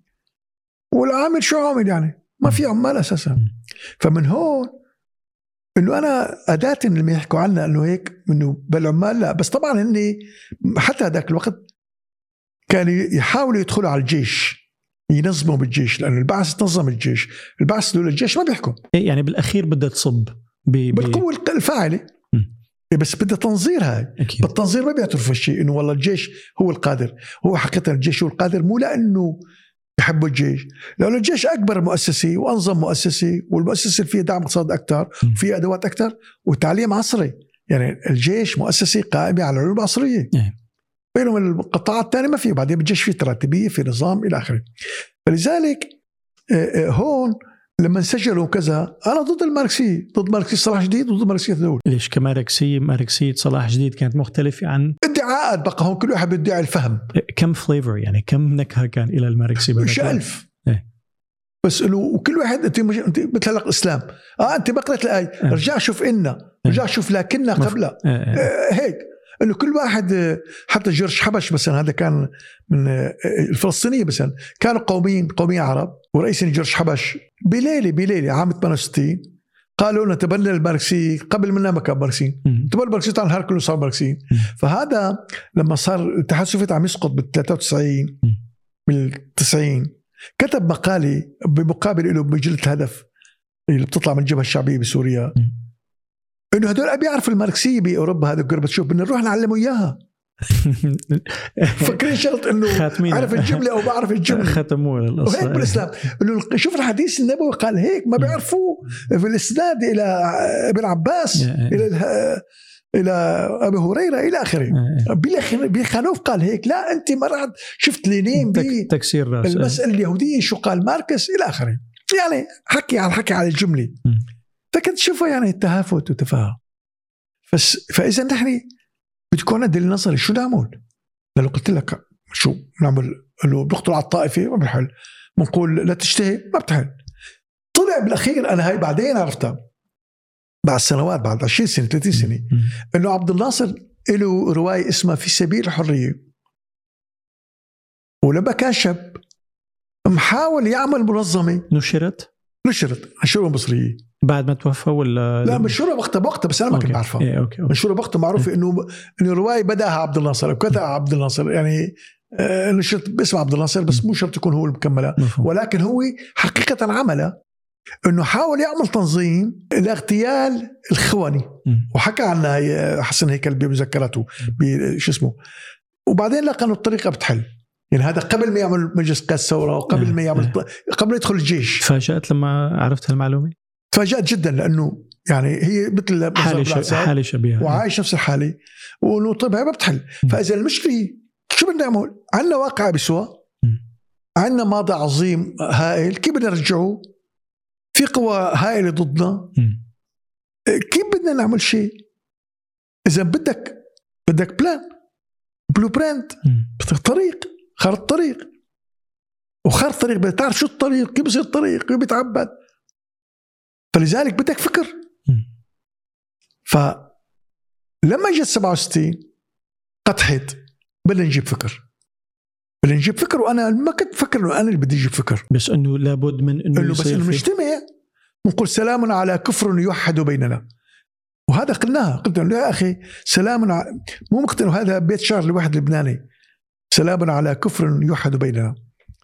إنه بس مهم نتوحد فبالتالي شايفين الوضع هاي قلت لي بالحلقة الأولى بالاجتماع الأول عدنان حوراني ناظم الصالح الله يرحمه عدنان حوراني الله يرحمه. وكنت داعي وبالصف المسني سني وعلوي. ف اللي بدي أقول إنه شو بدنا نجيب؟ هذا كان همنا. مفهوم. قبل ما نقول نا. فعليا هذا الهم بلش معك أنت. بلش معي أنا. مفهوم. منك إلى. يعني مني إلى. إلى يعني إلى ناظم الصالح عدنان حوراني مصطفى المسدي أول حلقة أول مجموعة م. مصطفى المسدي من عائله سنيه حمصية بس هو قومي وناصري م. كيف آه كيف تم انتقائهم يعني أنت ليش التقيت الاصدقاء الشخصيين اللي كنا نتناقش على الموضوعات القومية إيه. وكلهم ضد الماركسية يعني كان في ميول أو إيه، تقاطع آراء وكذا إيه. ناصرية وضد إيه. القومية مفهوم. ضد الماركسية قصدي إيه. آه، عدنان حوران كان له أخ ضابط مسرح ناصري ومصطفى المسدي كان له خال ناصر مسرح وهو قومي. ويعني وعلماني. فهدول نطرح الموضوع. بال 67 عم نحكي بال 67 ف لأنه مصطفى المسدي كان قايل لي كلمة مهمة. أنا ما كنت نايم بالفترة إيه. بس كان في ناس راحوا استلموا حرس سموه الحرس الشعبي أو المقاومة الشعبية. و و و وماسكين بواريد ومنتظرين يقاتلوا. إنه إذا اجت إسرائيل. فاجى قال لي مصطفى نحن امبارح كان راح يصير عندنا مجزرة. قلت له ليش؟ أنا بعمل صباغ جنب الكليه الحربيه بعمل صباغ اسمه إيه؟ قال لي واحد من العمال قال بالخندق كان معي عمال علوية وسنة. قال له شو رأيك نقتل العلوية؟ قال ليش تقتلي؟ قال له خوني باعوا الجولان. لأنه وقتها صارت الهزيمة و... قال لي أنا جيت منعتين شو هالكلام هذا فمن وقتها شعرت إنه الصراع الطائفي بده يتفجر يوما ما بسهولة إلى حرب طائفية. هذا الفيقني بالدرجة الأولى انه نحن ما بنحسن نستمر. شو اللي منعه من الانفجار أبكر من هيك؟ هلا هو كان بدأ بس قمعوا يعني مثلا بحما عملوا ثورة ضد البعث قام أمين حافظ قتل ضرب الجوامع بأي سنة؟ ب 63 64 أوكي. يعني ب 63 طلعوا الناصريه هدول كانوا بدايات. بدايات إيه كلها. الناصريين كلهم كانوا صار سنة. صار في استقطاب. آه بعدين آه حما إخوان المسلمين. مين اللي حركه؟ بالاردن بشكل خاص. عامة هدول كان الأردن. إيه. كان الأردن هو راعي الأخوان المسلمين. بس قصدي السياسات خارجية يعني الأردن. هل تنسب لي يعني إذا أردن في فوقها حدا ولا أردن برعاية كذا؟ طبعا الأردن برعاية بريطانية. أوكي. بس أنت كنت سألتني سؤال مهم إنه هذا الدعم اللي صار أو الحكومات اللي إجت بال 63 سواء بسوريا أو العراق إجت برضا امريكي بريطاني امريكي أكيد ولا ما كان بصير. إيه.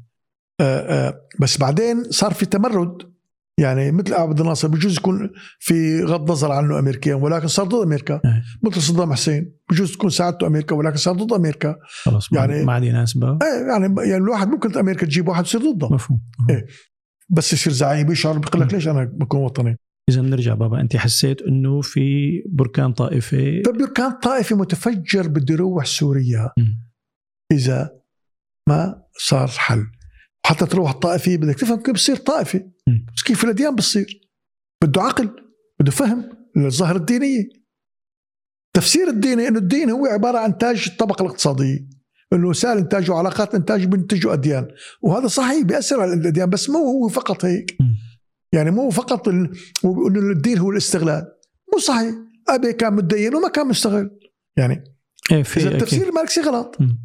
إذا بدك تفسر الدين وكيف إنتاجه بشكل والسياسي والعروبة والوحدة والى اخره فهون اللي بدي أقول إنه آآ آآ وأنا ماشي على قبل ما أقول لك يعني كيف هي الليلة الأولى الأساسية اللي خلت هذا آه، التنظيم يمشي والفضل الأول كان لأنور رزا الله يرحمه يرحمه. اسمه تامر رزا أن أنور كان أنا تامر كان بجيلي أنور كان بجيل أخي غسان الله يرحمه. فكان يبعثنا على المركز الثقافي من الصف الرابع.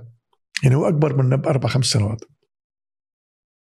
ومسيحيه وعنده التوراة. وهو من سلالة الملوك السريان المسيحيه وكان صار كان عم يدرس محا- محاماة كان إيه، مخلص كان عنده اسمه محمد إيه عم يدرس ما كان مخلص لسه لا عم يدرس كان. أو يعني ما بعرف لا فعليا كان لا. أنتوا هون بسن ما كان جا- خلص. هو جامعي الوحيد الاكبر مني سنا كان معنا بالتنظيم أنتوا جامعيين هون؟ قدم بكالوريا. أوكي بكالوريا. 18 إيه. لا أنا كنت صرت 20 هون 67 أوكي. صرت إيه، 20 إيه، إيه. فهون آه اللي بدي أقول إنه آه أنا الرزها علمني كان فهمان كثير بالتراث الإسلامي والإنجيلي وأبوه كان قومي سوري سابقا م. حموية قلت لك. سوريان. فالمزامير التوراة كنا نقعد نقراها عنده. ومزامير داوود بالتوراة شيء جميل جدا. وكان يحبني ويشجعني. فأحدى السهرات كنت عنده للساعة 4 الصبح أنا بالحمدية يعني. باب تدمر. رجعت. يعني أنا بدي أقول بكانون أو قبل شوي. مم. ليلة باردة فيها مطر كتير الآخري طلعت الشرارة الأولى للتفكير إنه العالم اليوتوبيا بقى. إنه العالم لازم تروح على العنصرية.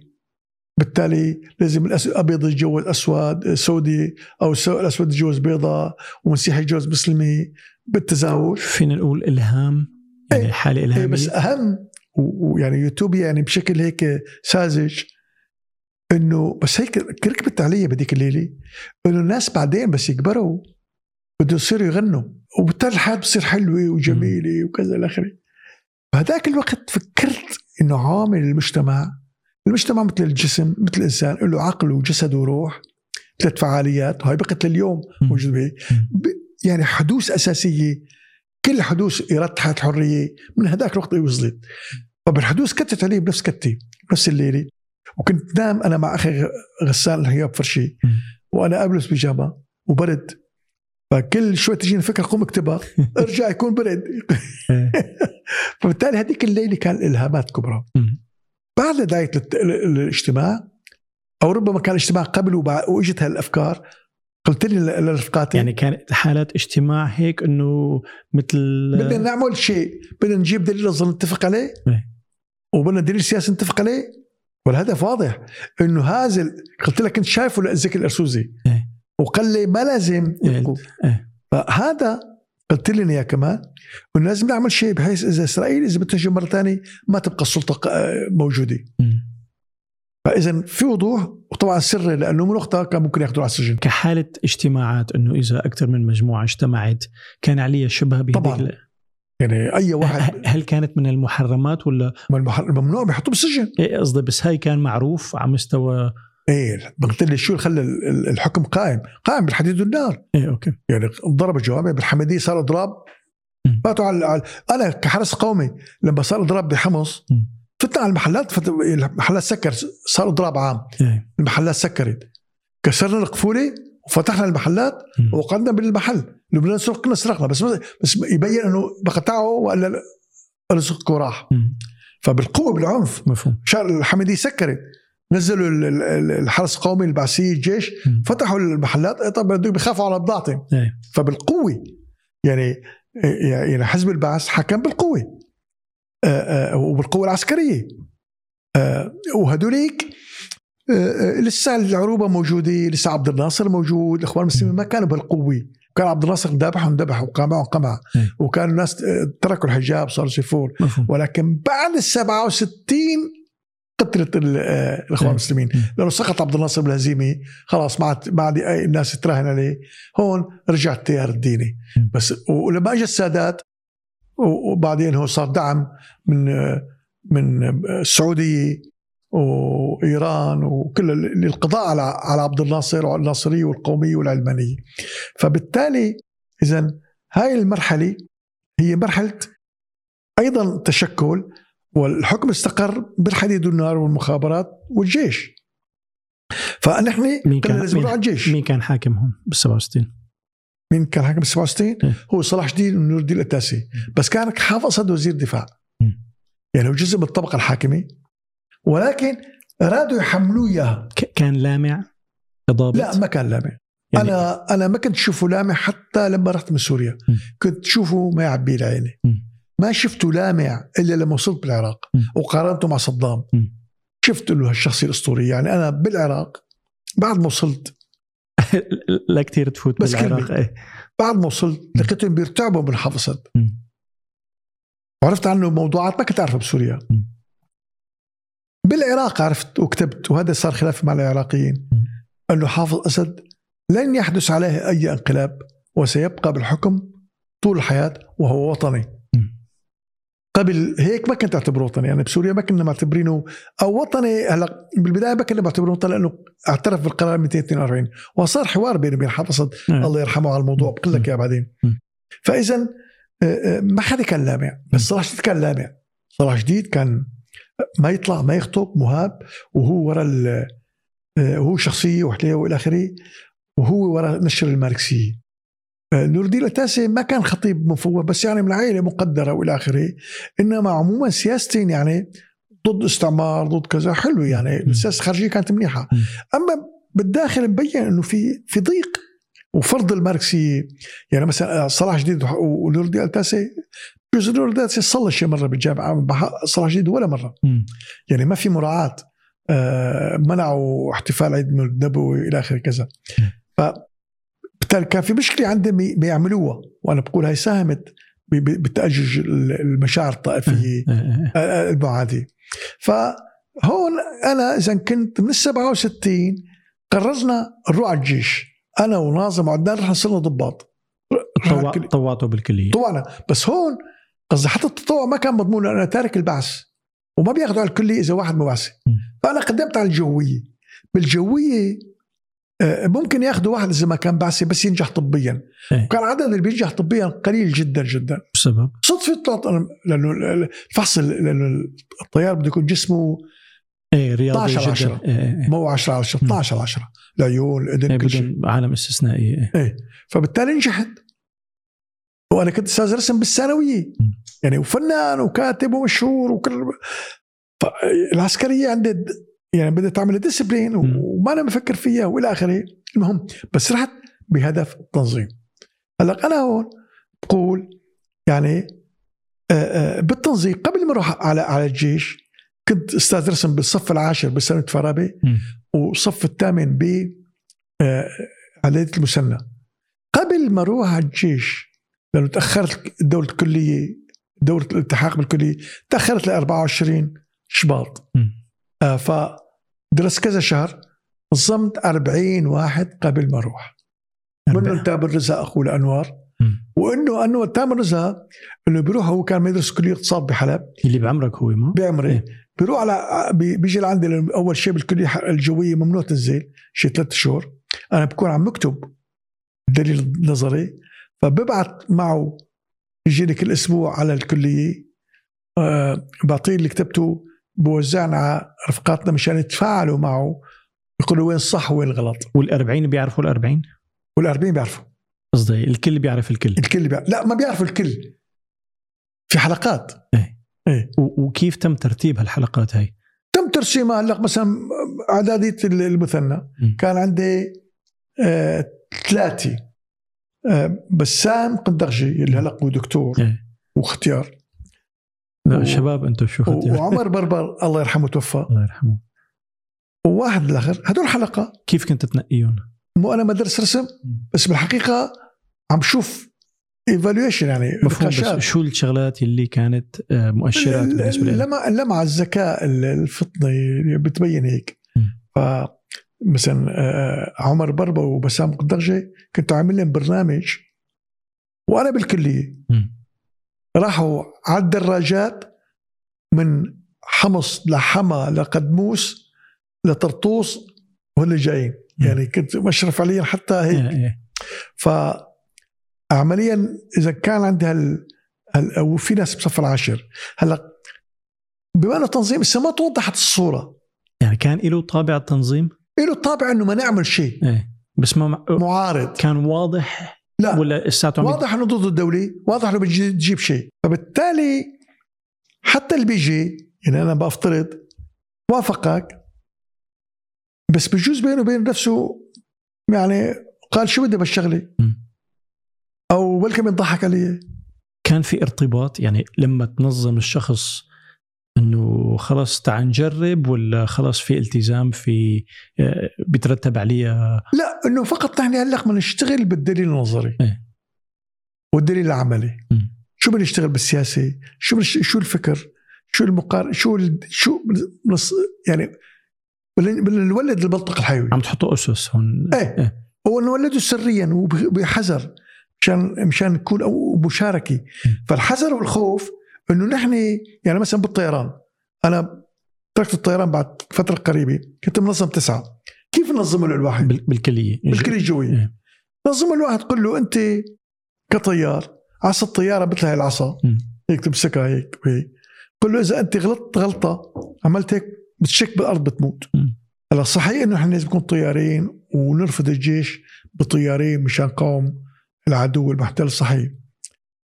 بس في أهم من الجيش لمقاومة إسرائيل هو النظام السياسي اللي بده يستخدم الجيش مم. فايه أخطر جندي على المعركه لما قائد سياسي ما يوجه الجيش لا موجه الجيش أفضل طيب أنت هلأ ما تشتغل كطيار حربي ولكن ممكن تخطأ خطأ تك تكون ميت تشك إيه. واصلا بيموت بال- بالتدريب. أكثر الناس مم.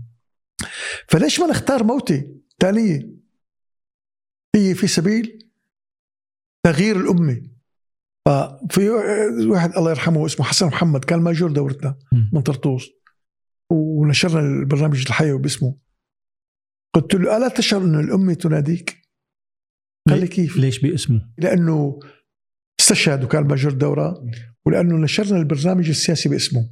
باسم كسم مذكرات وعمل له أهداء سليمان عيسى إلى آخره في سبب معين إنه نشر باسمه هو غير إنه ماجور هو؟ آه مشان نخفيها عن السلطة لما نشرناها مذكرات إيه. وهي الحقيقة البرنامج اسمه طريقنا الحضارة عام 72 في كل البرنامج السياسي تبعنا إيه. اسمه الاختبارات القومية الاشتراكية إنه أساس هو علني ولكن يعني إنه نوع من ال... آه إنه هذا مذكرات وخلينا سليمان عيسى الشاعر إيه. يكتب له إهداء هو بيعرفه إيه. فطبعناها إهداء إنه هاي مذكراته إيه. وفيها الشعر واحد اسمه علي مجدي من أصدقائنا. كتب له أنت صديقي وكذا هو لا بيعرفه ولا شايفه إيه. إيه. بس مشان يكون برنامجنا جاهز لأنه كنا متوقعين بأي لحظة إنه ممكن يكشفونا وبالتالي يسجلونا بالتالي لازم يعرفوا الناس ليش انسجلنا ومشان لما نطلع نتابع وكنا متوقعين يسجلونا بأي نهار يعني نحن كنا خايفين من صلاح جديد ثلاث سنوات بعد صلاح جديد. يعني من 67 لنهايه 70 السبعين لما استلم حافظ اسد آخر السبعين مم. فبالتالي هاي المرحلة كنا كان في رعب كتير أكثر من أيام. حافظ ما اهتم بالماركسيه أو يعني صاروا يسموه ضد الماركسيه لأنه هو كان يعني واقع أكثر. فرايت تقول لك إنه اذا هاي المرحلة هي مرحلة هي مشيمة إبداعية. رفقاتها الجو الإبداع الجو الخوف جو الحذر جو الخطورة. ما نعمل شيء للم- للموت والحياة. ما يجعلني مفكر ليلا نهارا أنا وأصدقائي ناقش نفكر نقرأ في برنامج. بدك نقرا هالكتاب الكتاب الكتاب كاجتماعات كانت آه، أسبوعية شهرية يومية الاجتماعات بقى يعني حسب محافظة صرنا حلب حمص الشام أسبوعية أو شهرية ولكن عندنا مؤتمر سنوي. هالمؤتمر السنوي للمؤسسين الخمسة الأوائل. مين مين بتعتبر الخمسة الأوائل؟ لك معتبر الخمسة الأوائل رسميا كانوا آآ آآ سليمان شرمك محمود حماد علي علي علي مجدمة بسام قندرجي صاروا ستة بابا إيه. أي آه، لا وعمر برك سبعة اي إيه، بجوز.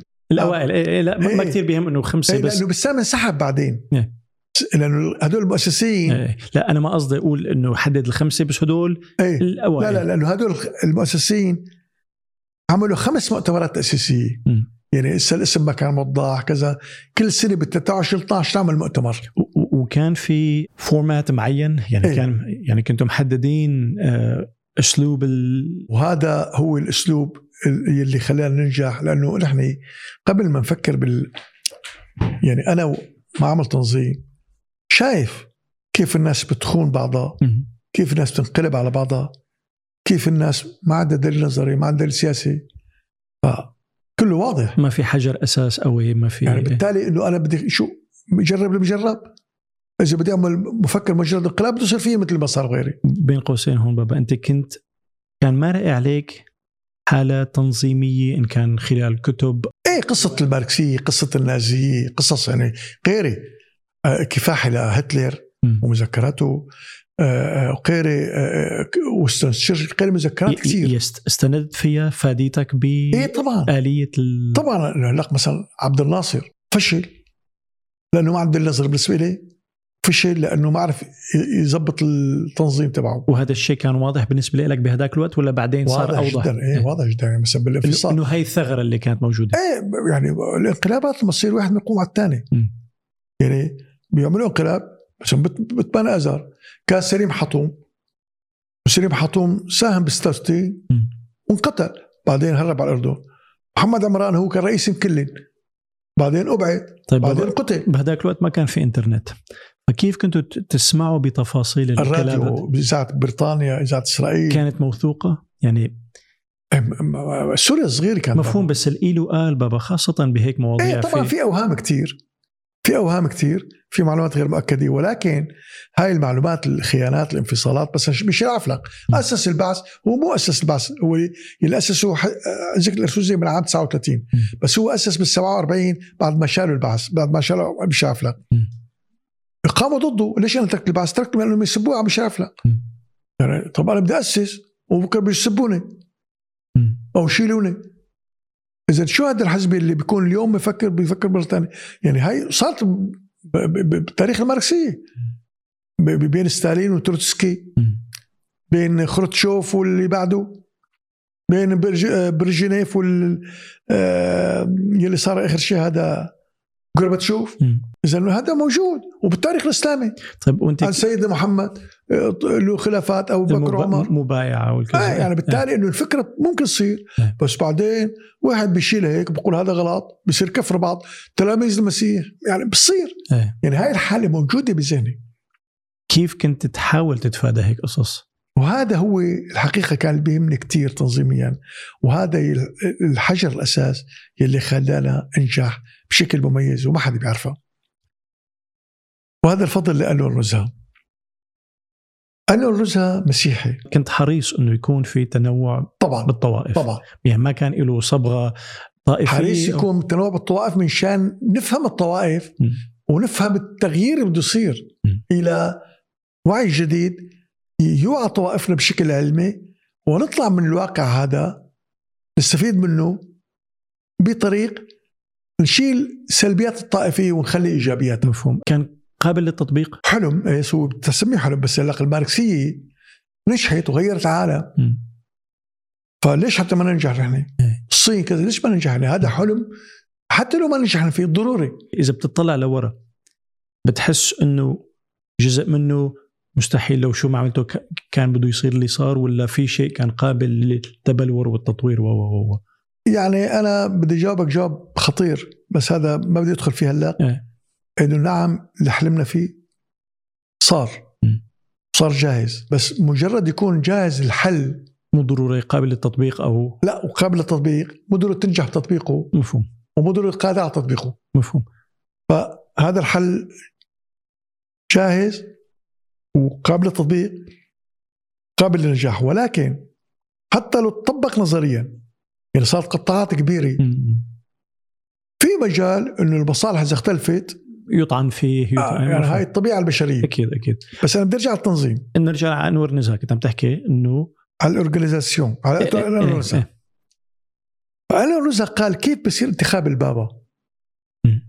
البابا الكرديناليه أو البطرك بكل بالفاتيكان عم نحكي بالفاتيكان إيه. بس يموت البطرك بيقعدوا بقاعه هن بمجموعه تقريبا 50 ل 60 كاردينال فبيقعدوا ثلاث أربع أيام وتكون في دخان أسود مم. إذا طلع الأبيض معناتها انحلت ما قرروا مين بده ما بيطلعوا حتى يطلع الدخان الابيض.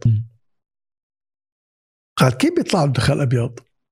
إنه آه كل واحد بينتخب الكل مم.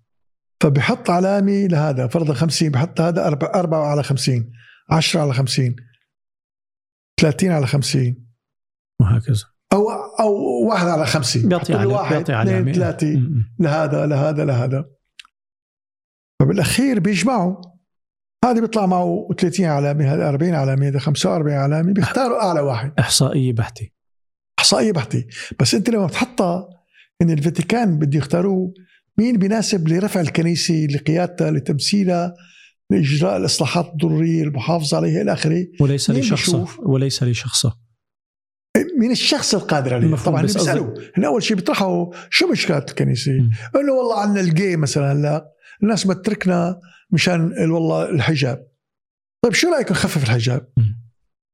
واحد بيقول لا استغفر الله هذا روحنا المسيحية. واحد بيقولوا لا يا أخي نحن بدنا نخسر الكنيسة بنخسر شعبنا. وهي ما مو ضد الدين. ممكن مم. يكون يشيل الحجاب يبقى متدين. ليش نكتر؟ شو رايكم يا ناس؟ والله أنا مع هيك أنا مع هيك. طيب انتخبوا. لنشوف مين بيمثل. هلأ مثلا هذا البابا أخير عمل ثورة.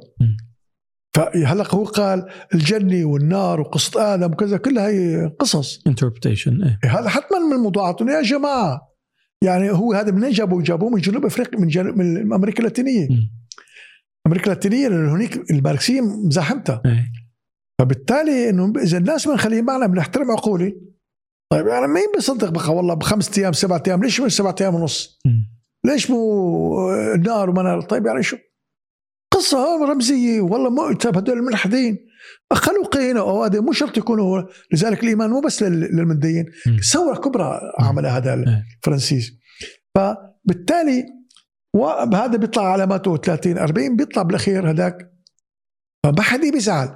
ما حدا بينشق الانشقاقات ما عم تصير تاريخ الكنيسه يعني تبنيتوا هذا البروتوكول وما في أي تنظيم بالعالم يتبنى الشيء هذا وهذا السبب قوتنا لأنه يا جماعة طيب شو, ليش؟ شو البروتوكولات الثانية بحثتوا إيه. ببروتوكولات البروتوكول الثاني وهذا مهم إنه أنت على الرصيد البنكي يعني مو معقول يعني إنه واحد لمجرد يخطب حلو شخصية حلو أو من بيت النقري أو من بيت كذا يصير زعيم. أو لأنه شكله حلو مفهوم لكن شو؟ انه هي عمارة عم عمره الدافع فيها كتير. بيكونوا له موقع فيها هو حريص عليها أكثر. فهاي العمارة اللي بنعملها بدها عمارة فكرية عمارة سياسية وعمارة مالية بالاشتراكات وعمارة تنظيمية تجيب ناس. لما بنقرر قرار بننتخب واحد صديق أول كنا نسميه هذا اللي بده يكون تحت كنا مثلا آه، إنه اللفظ بدل بدل الاخ عند الاخوان المسلمين أو رفيق عند الب- البعثيين نقول إحنا صديق. إيه. شعار إرادة الحياة الحرية. يعني فعليا أنت تب- تبعتوا الفورمولا التقليدية بس بصيغة ثانية. إيه. إنما التنظيم اتخاذ القرارات. كانت مهمة شيء إن ات- اتباع ال... طبعا بيعطيه شعور بالوحدة مم. شعور بالهيبة كأنك ما تصلي يعني إحنا لما نعمل اجتماعات كنا لما داخلين على صلاه مم. خشوع. بعدين هذا الناس معرضين لل- للسجن للموت الاعدام كلياتهم عسكريين آه. إيه. فبده شيء قوة روحية مم. لأنه مهدد بأي لحظة هلأ بعد شوي بقول لك كيف الاختراقات الأمنية كيف الانكشافات كيف كنا ما ننام الليل. ف آه، بالتالي وكل ما كبرنا كنا نقول كل ما زودنا كل ما كل ما قوينا صرنا معرضين للكشف أكثر مع. الأيام. وصار قدرتنا على التأثير الانقلابي أو الثوري. ضعيف. أما هلأ بس نعمل مفاجأة ولكن أضعف. مم. إذا الضعف يعني مرتبط بالقوة والقوة مرتبطة بال- بال- بالانكشف كنتوا عرفانين أنا ب- بفهم موضوع إنه إذا كبرنا خلص شوي بتضيع الطاسه مو بدكم لازم انكشف. مفهوم. منضرب. كنت كنت أو كنتوا عرفانين شو ال- الرقم الأمثل أو ال- ال- المناصب إن كان عسكريا مدنيا هلا أنا ما كنت أعرف إنه كل شيء كان عند عبد الناصر كانوا كلهم 30 واحد مم. وكان منهم ملكيين ومن الإخوان المسلمين ومن الماركسيين مم. وكل تنظيم المكان ست اشهر إيه. ما كنت أعرف أنا كان من أول سنة عندي 40 واحد وبالسنة الثانية عندي بالطيارين وغير طيارين عندي خلينا نقول 50 كان براسك أو براسكم كمجموعة توصلوا لرقم معين أو لا، هو اشخاص الحقيقة بأماكن لا، معينة لا، قبل لا، ما لا الرقم الخطوة بعدها ما لازم نعمل شيء حتى يكتمل عنا البناء النظري. حتى يكتمل عنا الدليل النظري والسياسي. الفكرة الفكري والسياسي. يعني الفكري كي فكري هو طلب الإيديولوجيا الحيويه شو القانون الحيوي المجتمع مفهوم. قانون الحيوي الكون بندخل فيه بعدين قانون الحيوي. الفرد إيه. إلى إيه. آخره مم. إذا ما عرفنا ما بنعرف كيف بده يصير طائفيه أو الأخلاق وكذا إيه. فما ما جاهزين إنه مجرد تحطنا هيك وحبابين غيرنا كان حباب كمان أكيد بس أنتم كنتوا عاطين لحالكم إنه نحن خلال سنتين لازم نكون مبلورين واللي اللي يعني نكون موصلين لمكان في وضوح لا ما بنعرف كنا رح يطلع معنا لما لا بس بالصدفة. إنه خلال السنة طلع معي الايديولوجيا الحيوية، القانون الحيوي للكون، القانون الحيوي للمجتمع، القانون وهي كتبته وأنا بالكليه العسكريه. وأنا ماركت ليلا نهارا. صدفة. لأنه كان بيطرحوا بحزب البعث الدليل النظري وما يتبنوا الماركسية. ليش بتعتبره صدفة؟ فوق الخيال. أنا ما ما متوقع أنا ما متوقع أصلا أعرف أكتب. أنا فنان وروائي وكذا. الفكر كان تعدان حوران بفكر يكون أكثر أو إلى آخره لأنه كان إيه. يعني كان يقرأ كتب فكرية أكثر مني. ف ما كان متوقع انه إنه أنا عم يطلع معي. فأنا مستغرب. وهاي منظار بالعدسات الرواي. طبع لي إياها أخي كتبها. أنت سألتني سؤال امبارح إنه أو من فترة ليش إنه أعطيت القصص رح يقروها حدا؟ لا لأنه ما كان وقت آلي كاتبه. وإذا آلي كاتبه نسخة ما كان في فوتوكوبي. إيه. آه، آه، النسخة ال- ال- الوحيدة. إيه، التقني إيه. فأخي المرحوم محمود عمل على Gestetner على ورق الحرير طبع. منها 100 نسخة. فهي كانت تعطيها أيضا للناس جزء من طريقة للتنظيم واحد. إنه هدول شو رأيك؟ أبدأ فيه يعطيه قصة ويقرأ القصة. طيب شو رأيك؟ وين الخطأ؟ وين الصح؟ وين كذا؟ ون- ونعمل هيك. فكانت طريقة تنظيمية. فالكتاب أيضا ايديولوجيا حيوية. لما صار طبعا لي هذا قبل كتاب الإنسان شكل ما هيك بابا؟ قبل. هذاك صار شكله 74 مم. وفي قبله كتابين. هذا بالكلية ساعتها بالكلية. أوكي. طبع لي إياه وكتبت المؤلف المقداد الأحمر. اسم الرمزي كان المقداد الأحمر. ووزعنا ليش اخترت المقداد الأحمر بابا؟ اسم الرمزي واحد اختار طارق واحد اختار آه، بس ليش انت عقبة. أنت ليش اخترت المقداد الأحمر؟ الأحمر رمز الثوريه والمقداد اسم مقدس بالتراث وجدي كان يقول هي هي المقداد. وهو سابع بن أسلام شخصية مهمة جدا. فأنا أخذت الاسم مبارك يعني إنه ما تبارك لأنه ما صار عندي قطيعه مع الدين صار عندي فهم للحيوي للدين احتوائي. فاللي بدي أقول إنه واختم يعني ما نكبر الحلقة بدي أقول إنه آه، آه، إذا نحن منقول بس يجهز معنا لأنه إذا ما جهز معنا وما جهز تنظيم ما خرج نتصدى. وكنت مفترض أنا إنه إسرائيل بدها تهجم على سوريا بأي وقت وبالتالي بتكون جاهزين. فعندنا التوقيت واضح للتحرك العسكري لاستلام السلطة بس تهجم إسرائيل والسلطة تنهزم امامها هي نقطة كتير مهمة لأنه أنت حسب ما فهمت أنه لأنه كان في انقلابات أنتوا كنتوا ولأنه إسرائيل بدها تهجم كمان وتستمر. يعني إسرائيل كان عندها خطة ولهلأ الخطة موجودة. أي دولة بتهجم عليها إذا صار عندها عسك... ميزان عسكري أكثر أو صار في خطورة. مثل هلا بتضرب سوريا. فمتوقعين يعني آه، آه، ديفيد العازر كان رئيس اركان الجيش الإسرائيلي. طق عام 73 طق قلبه ومات ب- بالمسبح. لأنه كان هو ما يقول عام ال 74 هو كان ما يخطط 73 إنه يهجم على سوريا إنه صار عنده سلاح كثير إيه، فلازم نهجم عليها. عم تكبر أكثر فهو أجلوا لي على 74 قامت صارت حرب 73 الحرب 73 خربت لنا إلنا وضعنا. إيه. لأنه ب 73 الجيش هجم وأنا كنت ضابط ودخلت بالحرب وكل رفقاتها كتائب صواريخ ومدفعية وإلى آخره. يعني أخذنا كل الجولان تقريبا. يعني تحول تاريخ إنه ما عاد سوريا هي يعني راح يجي إسرائيل. فبالتالي نحن كل تنظيمنا كان قائم على إنه هيك لحظة راحت اللحظة منا إيه. وراحت لحظة ثانية أصعب وأخطر. إنه نحن بالأساس صراعنا يقوم على التغيير الاجتماعي والسياسي لسوريا مشان معركة طويلة المدى مع إسرائيل. مم. حرب شعبيه وكلاسيكيه. مع تحالف مع السوفيت إيه بس صار في فض اشتباك لا مو فض اشتباك صار في وقف اطلاق النار من عام 74 تحرسه أمريكا وروسيا و لا يبدل يجدد كل ست اشهر مم. لليوم. ولا تستطيع لا سوريا ولا اسرائيل شيلته هي بس روسيا وامريكا بي- بيشيلوا مم. فوقتها في اجتماع كان في رئيس الأركان يوسف شكور الله يرحمه اجتماع بعثي بال 74 بال 74 بالسينما يلي كان اسمه المسرح العسكري جنب ال- الضباط جنب كلية الفنون مقابلها بالشام ولا بحمص؟ اسمه المسرح العسكري لا كان بالشام ولا بحمص؟ بالشام. بالشام إيه يعني بس كان قريب من دار مم. الأوبرا إيه. والمناطق إيه. إيه. فسألته كان شيء ألف ضابط تقريبا. أنت هون شو كانت رتبتك؟ آه هون كنت نقيب. وحدات خاصة ولا كنت لساتك كنت قائد؟ وحده مستقله استطلاع إيه، مشاة إيه مشان بس وحدات خاصة. وحدات خاصة مظله كنت تارك الجوية. إيه ترك جوية قبل ما أتخرج. إيه. قلت له يعني نحن هيك بهالقرار هذا ما عاد نحسن حرب إسرائيل. قال ليش؟ قلت له لأنه في قوات دولية بيننا وبين إسرائيل. هي الحكم؟ قال إيه و- ومفروضه من روسيا وأمريكا. قال إيه بنقول لروسيا تعمل فيتو تقول لا.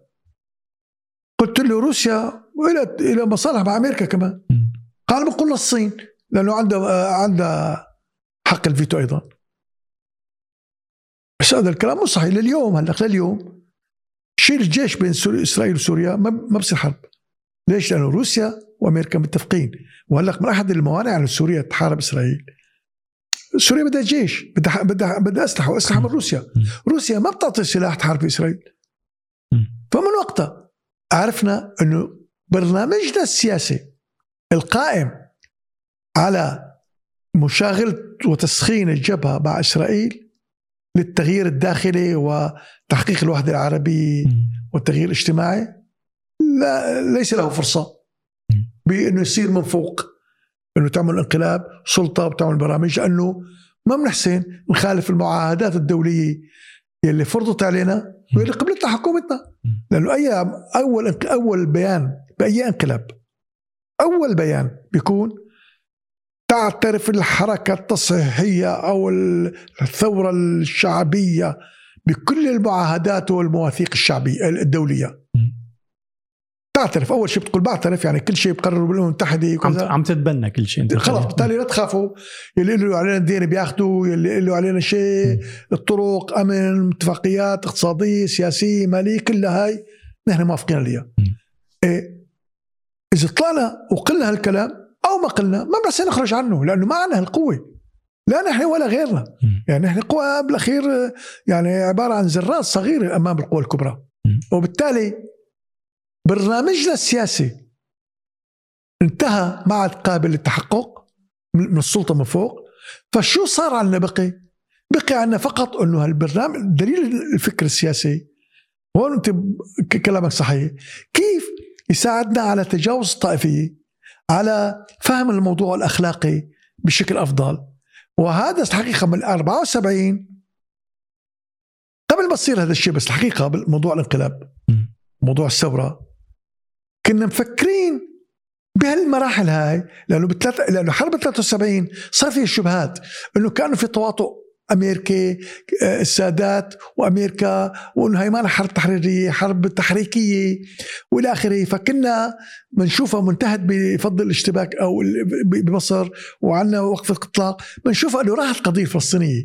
يعني كنا بنشوف إنه يعني في عمالة في خو... في خيانة إنه السلطة يعني قبل ما توقع آآ آآ قبل ما توقع آآ فض الاشتباك أو وقف إطلاق النار لأنه استمر الحرب استنزاف بين سوريا وإسرائيل شي سنة بعد ما سكتت الجبهة مصر. فخلال هالسنة ونحن عندنا شكوك بصلاحية ال- القيادة أو وطنيتها إنه هاي المرحلة يلي نحن ندخل على الخط. بس نحن بنقاتل والحكم عم بيقاتل عن جد. يعني وقتال صعب ومتعب وكل الحركة. صرنا نعرف كمان القتال يعني ما شغلة لعبة ما شغلة سهلة. فصرنا نعرف يعني إنه فعلا حتى أفكارنا إنه والله مجتمع يقاتل طول حياته هذا مو مجتمع. هل كنتم سذج من من هالناحية؟ لا يعني نحن وعينا عم يتطور. طبعا في نوع من السذاجة. أنا الحقيقة أول سذاجة بسجلها التقيت مع واحد اسمه سليمان العالي الله يوجهه الخير كان قائد الكلية الحربية. وهو ضابط من جماعة صلاح جديد الأقوياء. آه، كان مدير كلية عسكرية وكان قائد الدورة وأنا وقتها كنت بكتب دير نظري كنت فنان ورسام والى آخره فطلبت منه مرة وفي قرابة يعني بتقول عشائرية كذا بيناتنا آه، فطلبت منه بأحد الاجتماعات إنه المكتبة ما فيها كتب المكتبة. اللي بقلب الكلية قال لي راح أبعث معك مساعد مالي معه مبلغ مفتوح اشتري كل الكتب بدك اياه مم. وفعلا نزلت وقتها اشتريت 30 ألف ليرة. والكتب كلها استخدمتها بالإيديولوجيا الحيويه استخدمتها بال- بال- بال- كمراجع كتثقيف إلى آخره. يعني يعني الله يوجه له الخير. أنت نقيت ال- الكتب المطلوبة. إيه لأنه بعرف أنا شو إيه. صرت لأنه كل بدي احكي بالسكان روح كتب عن السكان. بحكي بالاقتصاد بدي كتب اقتصاد. احكي عن القيادات بدي كتب بالقياده احكي عن الديموغرافيا بدي كتب بالديموغرافيا إلى آخره. كيف كنت تلحق بابا؟ ها؟ كيف كنت تلحق؟ ليلا نهارا. بعرف. ما أنت لهلا ما شاء ليلا الله. نهارا. ما وإذا بتقرأ يرجع يتلقي فيه مئات المراجع. بعرف بعرف. ف والأهم إنه هي ال... أنا صار عندي سكه يعني بعد ما ولد عني إنه الإنسان هي فعالية عقلية وعضوية وروحية والمجتمع فعالية عضوية وعقلية وروحية فقلت بقسمه ثمان أقسام. الفعالية العضوية هي زمن وأرض وسكان الفعالية العقلية عمل وعلم الفعالية ال- الروحية عقيدة اداره قائد ف والثمانيه بأثروا على بعض. احلاك أنت عم تقولون هيك كانه كأنك عم إيه تسمع لأنه وحافظ الدرس. برنامج اليوم بدي أكتب عن الزمن إيه. وتأثيره على ابعاد ثمانيه اليوم بدي أحكي عن الأرض. فكان عندي الساعة كذا بدي أكتب كذا. بكرة بدي أكتب هالأسبوع بدي أخلص هيك. مرتبط مع رفقاتنا. مع أصدقائي بدي أبعث لهم يقروا يناقشوني. وبالمقابل كانوا ملتزمين وكانوا يعني إيه يعني طبعا بحدود بصير أكيد تواصل أكيد إلى اخره إيه. لأنه بالكلية موجودين اغلب يعني محمود حماد إلى آخره. طبعا هون يعني كانت الماركسية مهيمنة. مو كل موافقني بس كل مأمن, علي. أو نحن يعني محافظين على السر. يعني خلينا نقول التنظيم وقتها مو حيوي بمعنى إنه بيعرف الإيديولوجيا وموافق عليها. لا هو بمعنى موافق على الهدف. إنه على الفكر وإنه ما يكون وإنه يكون فعال ويكون واقعي وتجريبي هون كنت طالع أو كنتوا طالعين بالنقيض للماركسي ولا لسه؟ البذور الأولى طلعت بالايديولوجيا الحيويه لأنه الماركسيه احاديه الاقتصاد فقط أنا عندي ثمان أبعاد. الماركسيه حتمية أنا عندي احتمالية. الماركسيه جوهر أنا عندي شكل. يعني قصدي مفهوم الشكل كان متبلور هاي معك؟ لكن من أول مبدأ من الأيديولوجية. من الايديولوجيا الحيوية. أيوه okay. بس كان الصيغة التعبير وقتها عمران الكائن يحدد عمره. إيه. أي. هاي بذور الشكل. اي هاي هاي بذور شكل يلي تولدت بال 74 إيه، إيه. بلسان شكل. إيه،. بس إنه كان عندنا الاحتمال كان عندنا النسبية كان عندنا العقيدة. بس هن عندي العقيدة وسائل إنتاج وعلاقات إنتاج. أما ماركسيه عندنا العقيدة هي محصلة الزمن والأرض والسكان والعمل والعلم والع... والإدارة والقائد. ففي والبحث العقيدي اخذ أخذ ثلاث أرباع الكتاب الايديولوجيا الحيوية. كيف عقائد الناس القديم والحديث كيف مصير. فالايديولوجيا الحيوية كانت هي الإيديولوجيا الاحتوائية التي تست- تستطيع أن تفسر الظواهر الاجتماعيه والكونيه بناء على قوانين ليش سميتها حيوية بابا؟ أقول لك الحيوية يعني كلمة حيوية كلمة مهمة بالعربي وحلوة و آه، آه، المادية آه، مكروهة من الدينين والروحانية مكروهة من الماديين إيه. والحيوية تحتوي وفي تجديد وأيضا يبدو صلاح البيطار أول ما اسس تنظيم اسمه الإحياء العربي. وزكي الأرسوزي آه، كان متأثر وميشيل عفلق متأثرين ببرغسون وبرغسون كان مذهب ال vitalist. فكلمة الحيويه وأنا قاري ل آه، آه، برغسون هنري برغسون قاري له كتب مهمة جدا قبل العقديه. قاري له منبعا الأخلاق والدين كتاب مهم هو كان من أهم المفكرين في في. أوروبا بالقرن العشرين مم. آه، منبعا الأخلاق والدين وله كتاب الضحك إنه الإنسان هو الوحيد اللي بيضحك. وله كتاب الذاكرة. يعني هو أول كا أول مفكر ما يعتبر إنه المادة بتفكر. بس بقي عند جوهراني بي- بيولوجي. فهلأ أغلب الناس بيفسروا كلمة حيوي ببيولوجيا أنا مو إيه، بيولوجيا إيه. حيوي بمعنى احتوائي. بس هي ما تبلور معي مع الوقت. هل تم انتقاء الحيوية آه، من قبل المجموعة ولا؟ إيه كنا خلاف إنه شو بدنا نسميها؟ الإيديولوجيا كان معروف إنه هي علم التنظيم والسلوك وتفسيرا ووصفا وقيما تكوينا توصيفا إلى آخره. يعني كيف بصير الميكروفون؟ شو أحسن ميكروفون. اثنين كنا بنقول الايديولوجيا الدينامية. طب الإيديولوجيا كلمة أجنبية. إذا حطيناها عقيدة العقيدة اخذت طابع إيه. يعني اخذت طابع آه، دين. ونحن صحيح في له علاقة بالدين بس مو دين دين. ايديولوجيا كانت كلمة كبيرة دين, سويه دين ولا دين إيه. آه دين ولا ولا دين إيه. إيه. والايديولوجيا كانت الماركسيه تعني الطوباوية. يعني حتى كلمة ايديولوجيا بيعتبروا هاي كخة. ما- في أي رديف لكلمة الايديولوجيه علم الفكر. أنا بعدين صارت اسمه علم الفكر صار اسمه الفكرياء مثل الفيزياء الكيمياء. إيه، إيه، إيه. سميتها طبعا هذا اللي عملها الله يرحمه كان اسمه تسيير تسيير شيخ الأرض. كان مفتش الفلسفي مثل كلمة الكمبيوتر أو الحاسوب يعني أنه خلاص استخدمت و يعني تبنوا كلمة الكمبيوتر صارت بتعبر عن إيه بس وقت الإيديولوجيا عندنا مشكلة كان معه. عندنا كان مشكلة معه. لسه باقي صارت منطق. يعني مشكلة بالتعبير. آه، ولكن هي فعلا ال- ال- الإيديولوجيا هي علم كيف تفكر وكيف تتحرك. هي لأنه كلمة إيديولوجيا إيديا. آه، إيديا إيديولوجيا علم. علم الفكر. علم الفكر. يعني هي يعني تعبير الحرف الصحيح مو التعبير الدارج عند الماركسية وقبل الماركسيه ولكن عفوا هون كان لي أستاذ فلسفي صديقي مفتش له كتاب فلسفي كان يدرسنا اسمه أمر السطلي الله يرحمه. وأمر السطلي كتب عني صفحة كاملة عن المعرض اللي عملته. رحت لعنده على البيت. المعرض اللي عملته بالكلية؟ اللي عملته قبل الكلية. حبس لما كنت طالب صف تارك. 11. لما كنت تارك. لما كنت بال 11 إيه كنت تارك. إيه. مم. فأعطيته كتاب الايديولوجيا حبيبي. وأنا كنت وقت طالب ضابط بعثت له إياه. رحت لعنده. كان ساكن صوب جور الشيع قلت اقرأ اعجب فيه كثير. قلت له شو بنسميها؟ قد إيه كان حجم ال هي كلها 160 صفحة بالطباعة. تطلع 200 إذا هيك. المهم قلت له قال لي سميها الإيديولوجيا العربية. قلت له هاي بس مو عربي هاي للعالم كله. للكون إيه.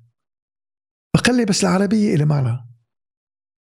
قلت له طيب شو رايك سميها الدينامية لما الحيوي قال لا الحيوي آه okay يعني أخذت آه، رأي الأستاذ الفلسفي إيه. بالكلام هذا. وتثبت آه، اثناءه إيه. يعني فينا من وقت سمينا حيوي ومن هون صرنا حيويين. قبل ما لنا اسم لسه صار حدا عارض على التسمية أو كذا؟ لا عمليا عمليا الإنجاز اللي انجزته يعني أنا هلأ بشوف حالي. يعني لما كنت روح على أنا كنت بسجل القسم الفلسفي قبل لما أخذت البكالوريا سجلت فلسفي. قد إيه عمرك هون بابا؟ بس بدي أرجع أركز على العمر. بال 20 21 كان الايديولوجيا الحيوي جاهز. هلا ب 22 بال 21 ونص كنت ضابط. طبعت الكل... طبعت الكتاب عام 70 ما- ما- ما- مطبوع على جستنا 23 سنة. ب 69 تقريبا أول 69 22 سنة. ف وأنا لما طبعته هون قصته لما قلت لك كنت أكتب عليه بغداد الأحمر. بس توزيعه محدود. فقام في واحد شاب من حارتنا آه، من بيت السمرة أو من بيت يوسف بيقرب لغادة يوسف الله يوجه الخير. هو الله يرحمه اسمه أيمن يوسف. توفى ضابط مخابرات أنا كنت هذا بدي نظمه. أحكي له أفكار وكذا. فمرة زارني.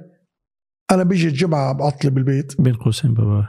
آه. في حدا تنظم وما نعرف. إنه تم تنظيمه. كثيرين أنا في كثيرين بالأخير اللي سجنوا أبي يعرفوني ولا بيعرفوني؟ مفهوم بس هل يعد عليهم إنه تنظموا فعليا ولا؟ نظموا وأدوا القسم.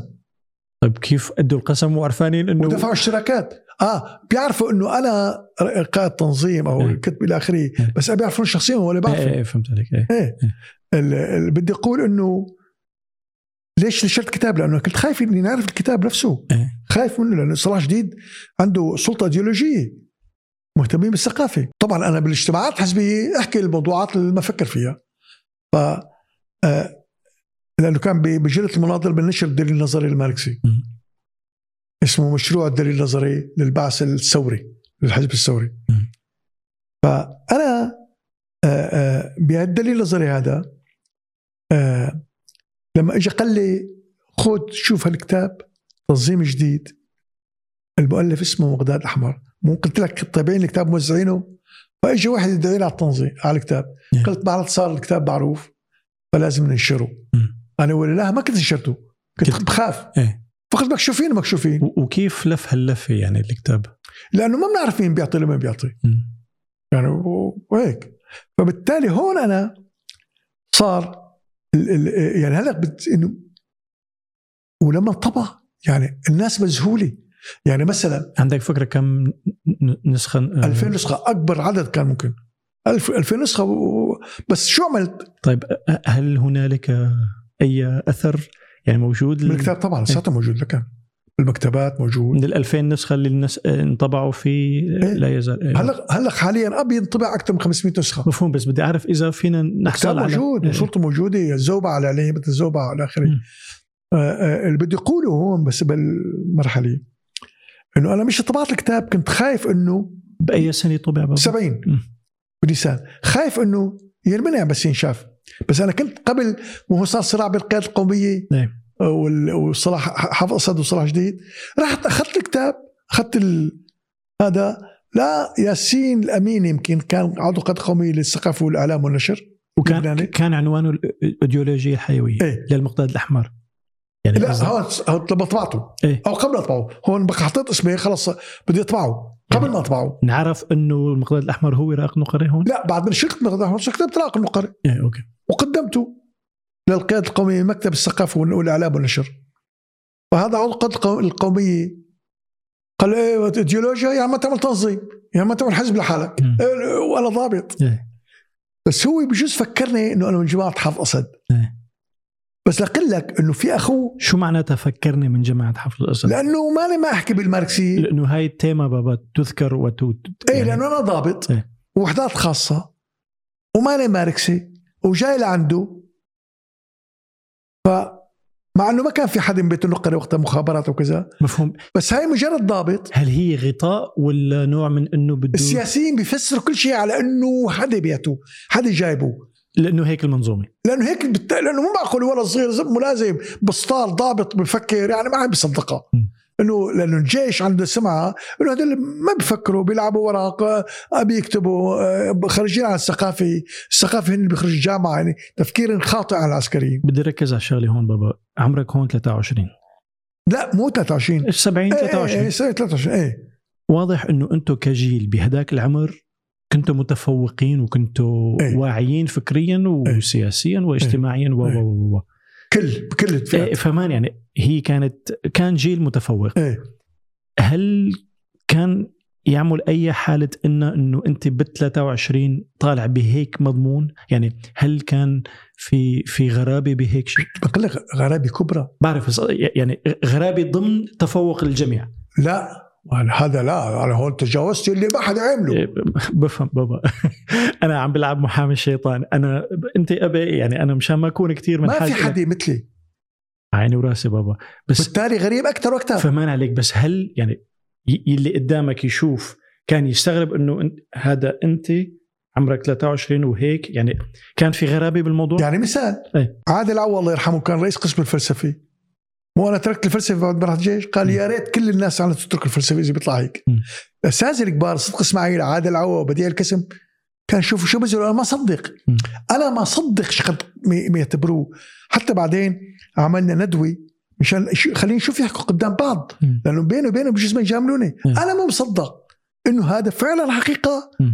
أنا مو مصدق بس مثلا واحد اسمه فيصل رستم أخوه محمد رستم اللي هلا بالسويد. فيصل رستم كان رئيس فرع بعث بجماعة صلاح جديد بالجزيره مم. قال له لاخوي اللي هو رفيقي قال له رائق ما كان بالكليه العسكريه رائق كان بأمريكا. أخذته المخابرات الأمريكية. علموه وكتبوا له كتاب منشان يقبروا الماركسيه أيوه. أنت كنت الأداة. فهذا كنت أسمع إنه أنا هذا مجرد إنه ايديولوجيا حيويه ليش؟ لغرابته بابا واللي يعني شو السبب؟ الكون ما ماركسية. أي شيء إيه إيه إيه، أنا ماركسية عميل عيني امريكي وراسي. كمان في شغلة أنا بدي بدي أذكرها. إنه شغلة التخوين شغلة المال وشغلة يعني إذا بدك تنفيل الواحد بس قول خائن أو يعني إيه إيه إيه هاي هذا آه. ثقافي مفهوم ما مفهوم ديك المرحلة ولا هلا ولا تزال إيه إيه. إيه. اللي بدي أقوله بقى إذا نحن عمليا وصلنا إلى استعصاء سياسي قبل قبل ما نرجع للاستعصاء أو نكفي وبالتالي أي حركة انقلابية إيه. أو دخول السلطة كان لازم تصير قبل وقف إطلاق النار أو بعد مباشرة مشان النزاعات مم. وهون كان في تفكير.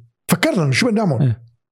فهون فرط التنظيم. يعني صار شيء إنه كان هو بقى الصديق الأول صار محمود حماد الله يوجهه الخير شعر بالخطورة إنه نحن رايحين مباشرة ندق بالحيط. وخاصة إنه صرنا مكشوفين. كان في فسيلتين علينا. فوين رايح رايح؟ مم. جنان هذا. إذا بدنا نعمل شيء جنان فخلينا نوقفه وخلينا نطلعه برا. وخلينا نبني التنظيم نكمل بهدوء وبيزعل منا. بعدين لما ننجح ونوصل سلطة بنرجعه. فإذا آه، آه، هاي المرحلة أنا بحب اوقف هون. مشان أقول بعد منا بالحلقة التالية نحكي آخر مؤتمر تأسيس شو صار كيف صار انكشافنا وشو صار معنا بالعراق. شكرا يعطيك العافية. يعطيك ألف عافية. أهلا. باي. وسهلا. وإرادة الحياة الحرية.